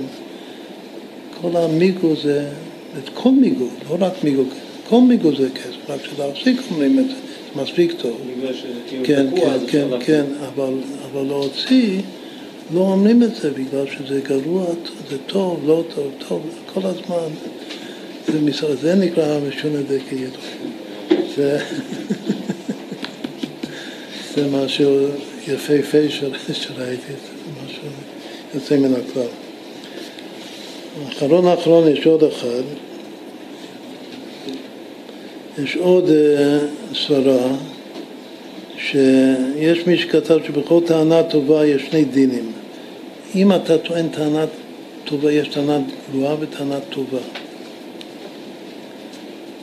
סימן טענה טובה, כמה שווה טענה טובה.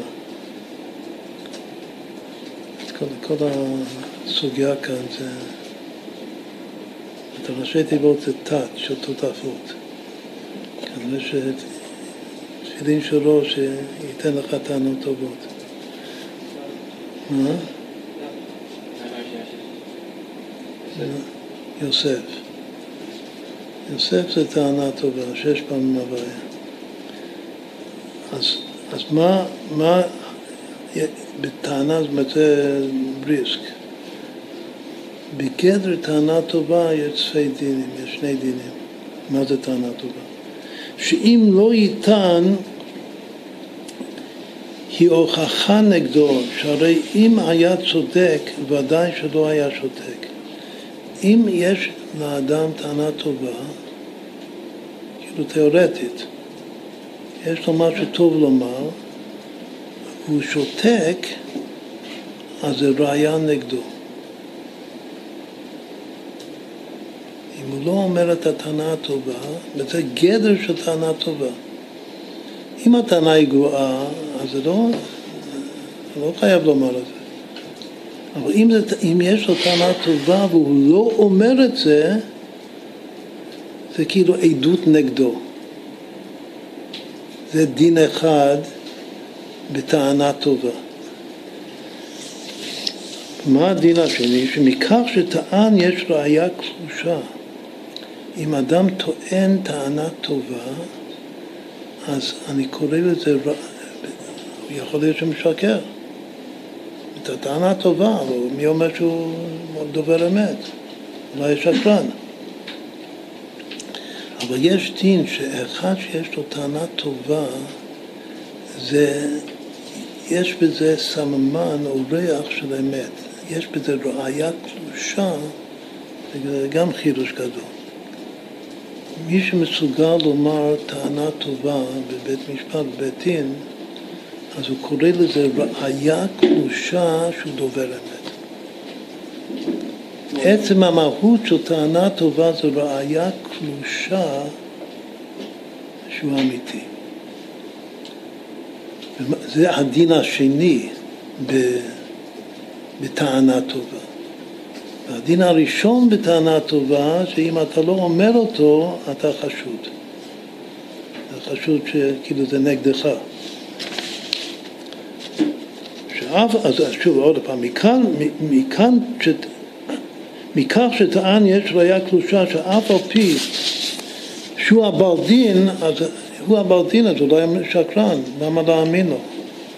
בכל אופן, קצת ראייה יש, שהרי ודאי שחלק מבעלי הדין מודים על האמת ואינם משקרים. אני לא חושד את כל האנשים בעולם כשקרנים. חלק מבעלי דין אומרים את האמת, וכאן יש אחד שאומר טענה טובה. אז, אז לכן יש בזה ראייה קלושה להאמין לו. זה, זה וורט. ובמיגו עכשיו, מה לגבי מיגו? ובמיגו אמנם אין את הדין הבית, במיגו הוא לא טען טענה טובה. שיש להאמין לו. הוא טען טענה גרועה. אז אין את הדין השני של טענה טובה, אבל יש את הדין הראשון בגלל שהוא לא שתק. אני לא מאשים אותו, אם יש לו מיגו, אני לא מאשים אותו שהוא לא אמר את המיגו. אם היה שותק הייתי מאשים אותו, שמה אתה שותק, יש לך טענה טובה. אבל אם הוא אמר טענה אחרת גבוהה, אבל יש לו מיגו שהיה יכול לומר את הטענה הטובה, אז אני לא מאשים אותו. אז יש עדיין, הוא בסדר, בדין הראשון.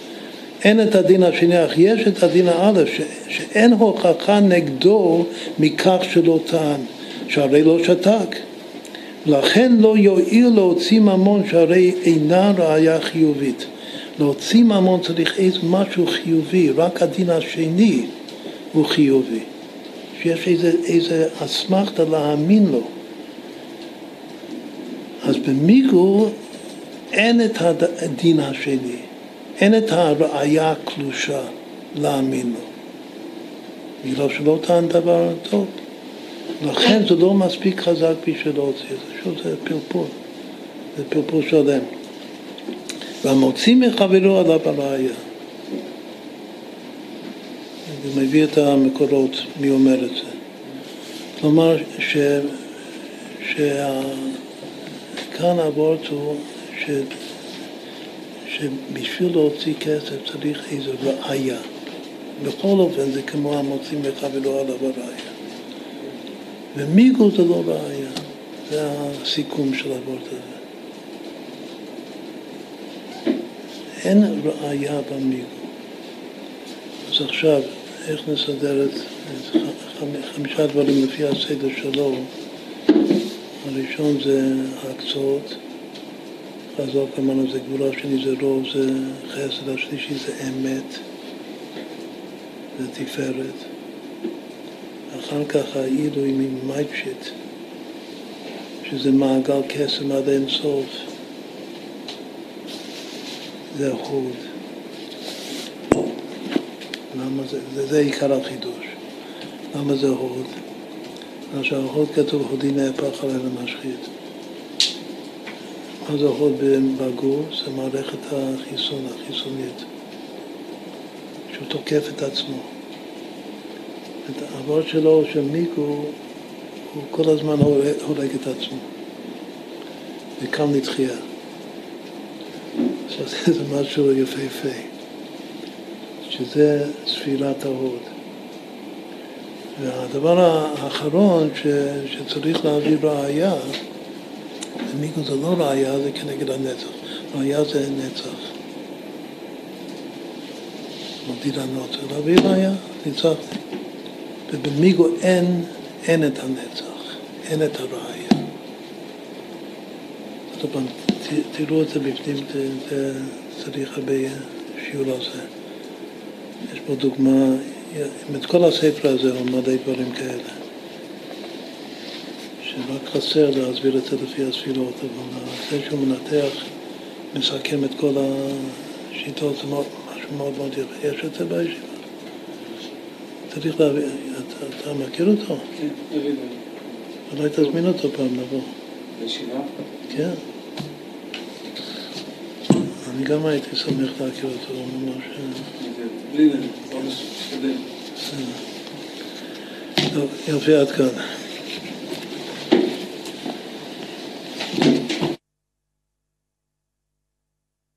נצח, וטיבה בחתימה טובה, עם, עם חתימה מקוימת. שנה טובה ומתוקה בכל העניינים, ושהרבה הצלחה וכן ירבו תלמידים, יפוצו מנתח חוצה.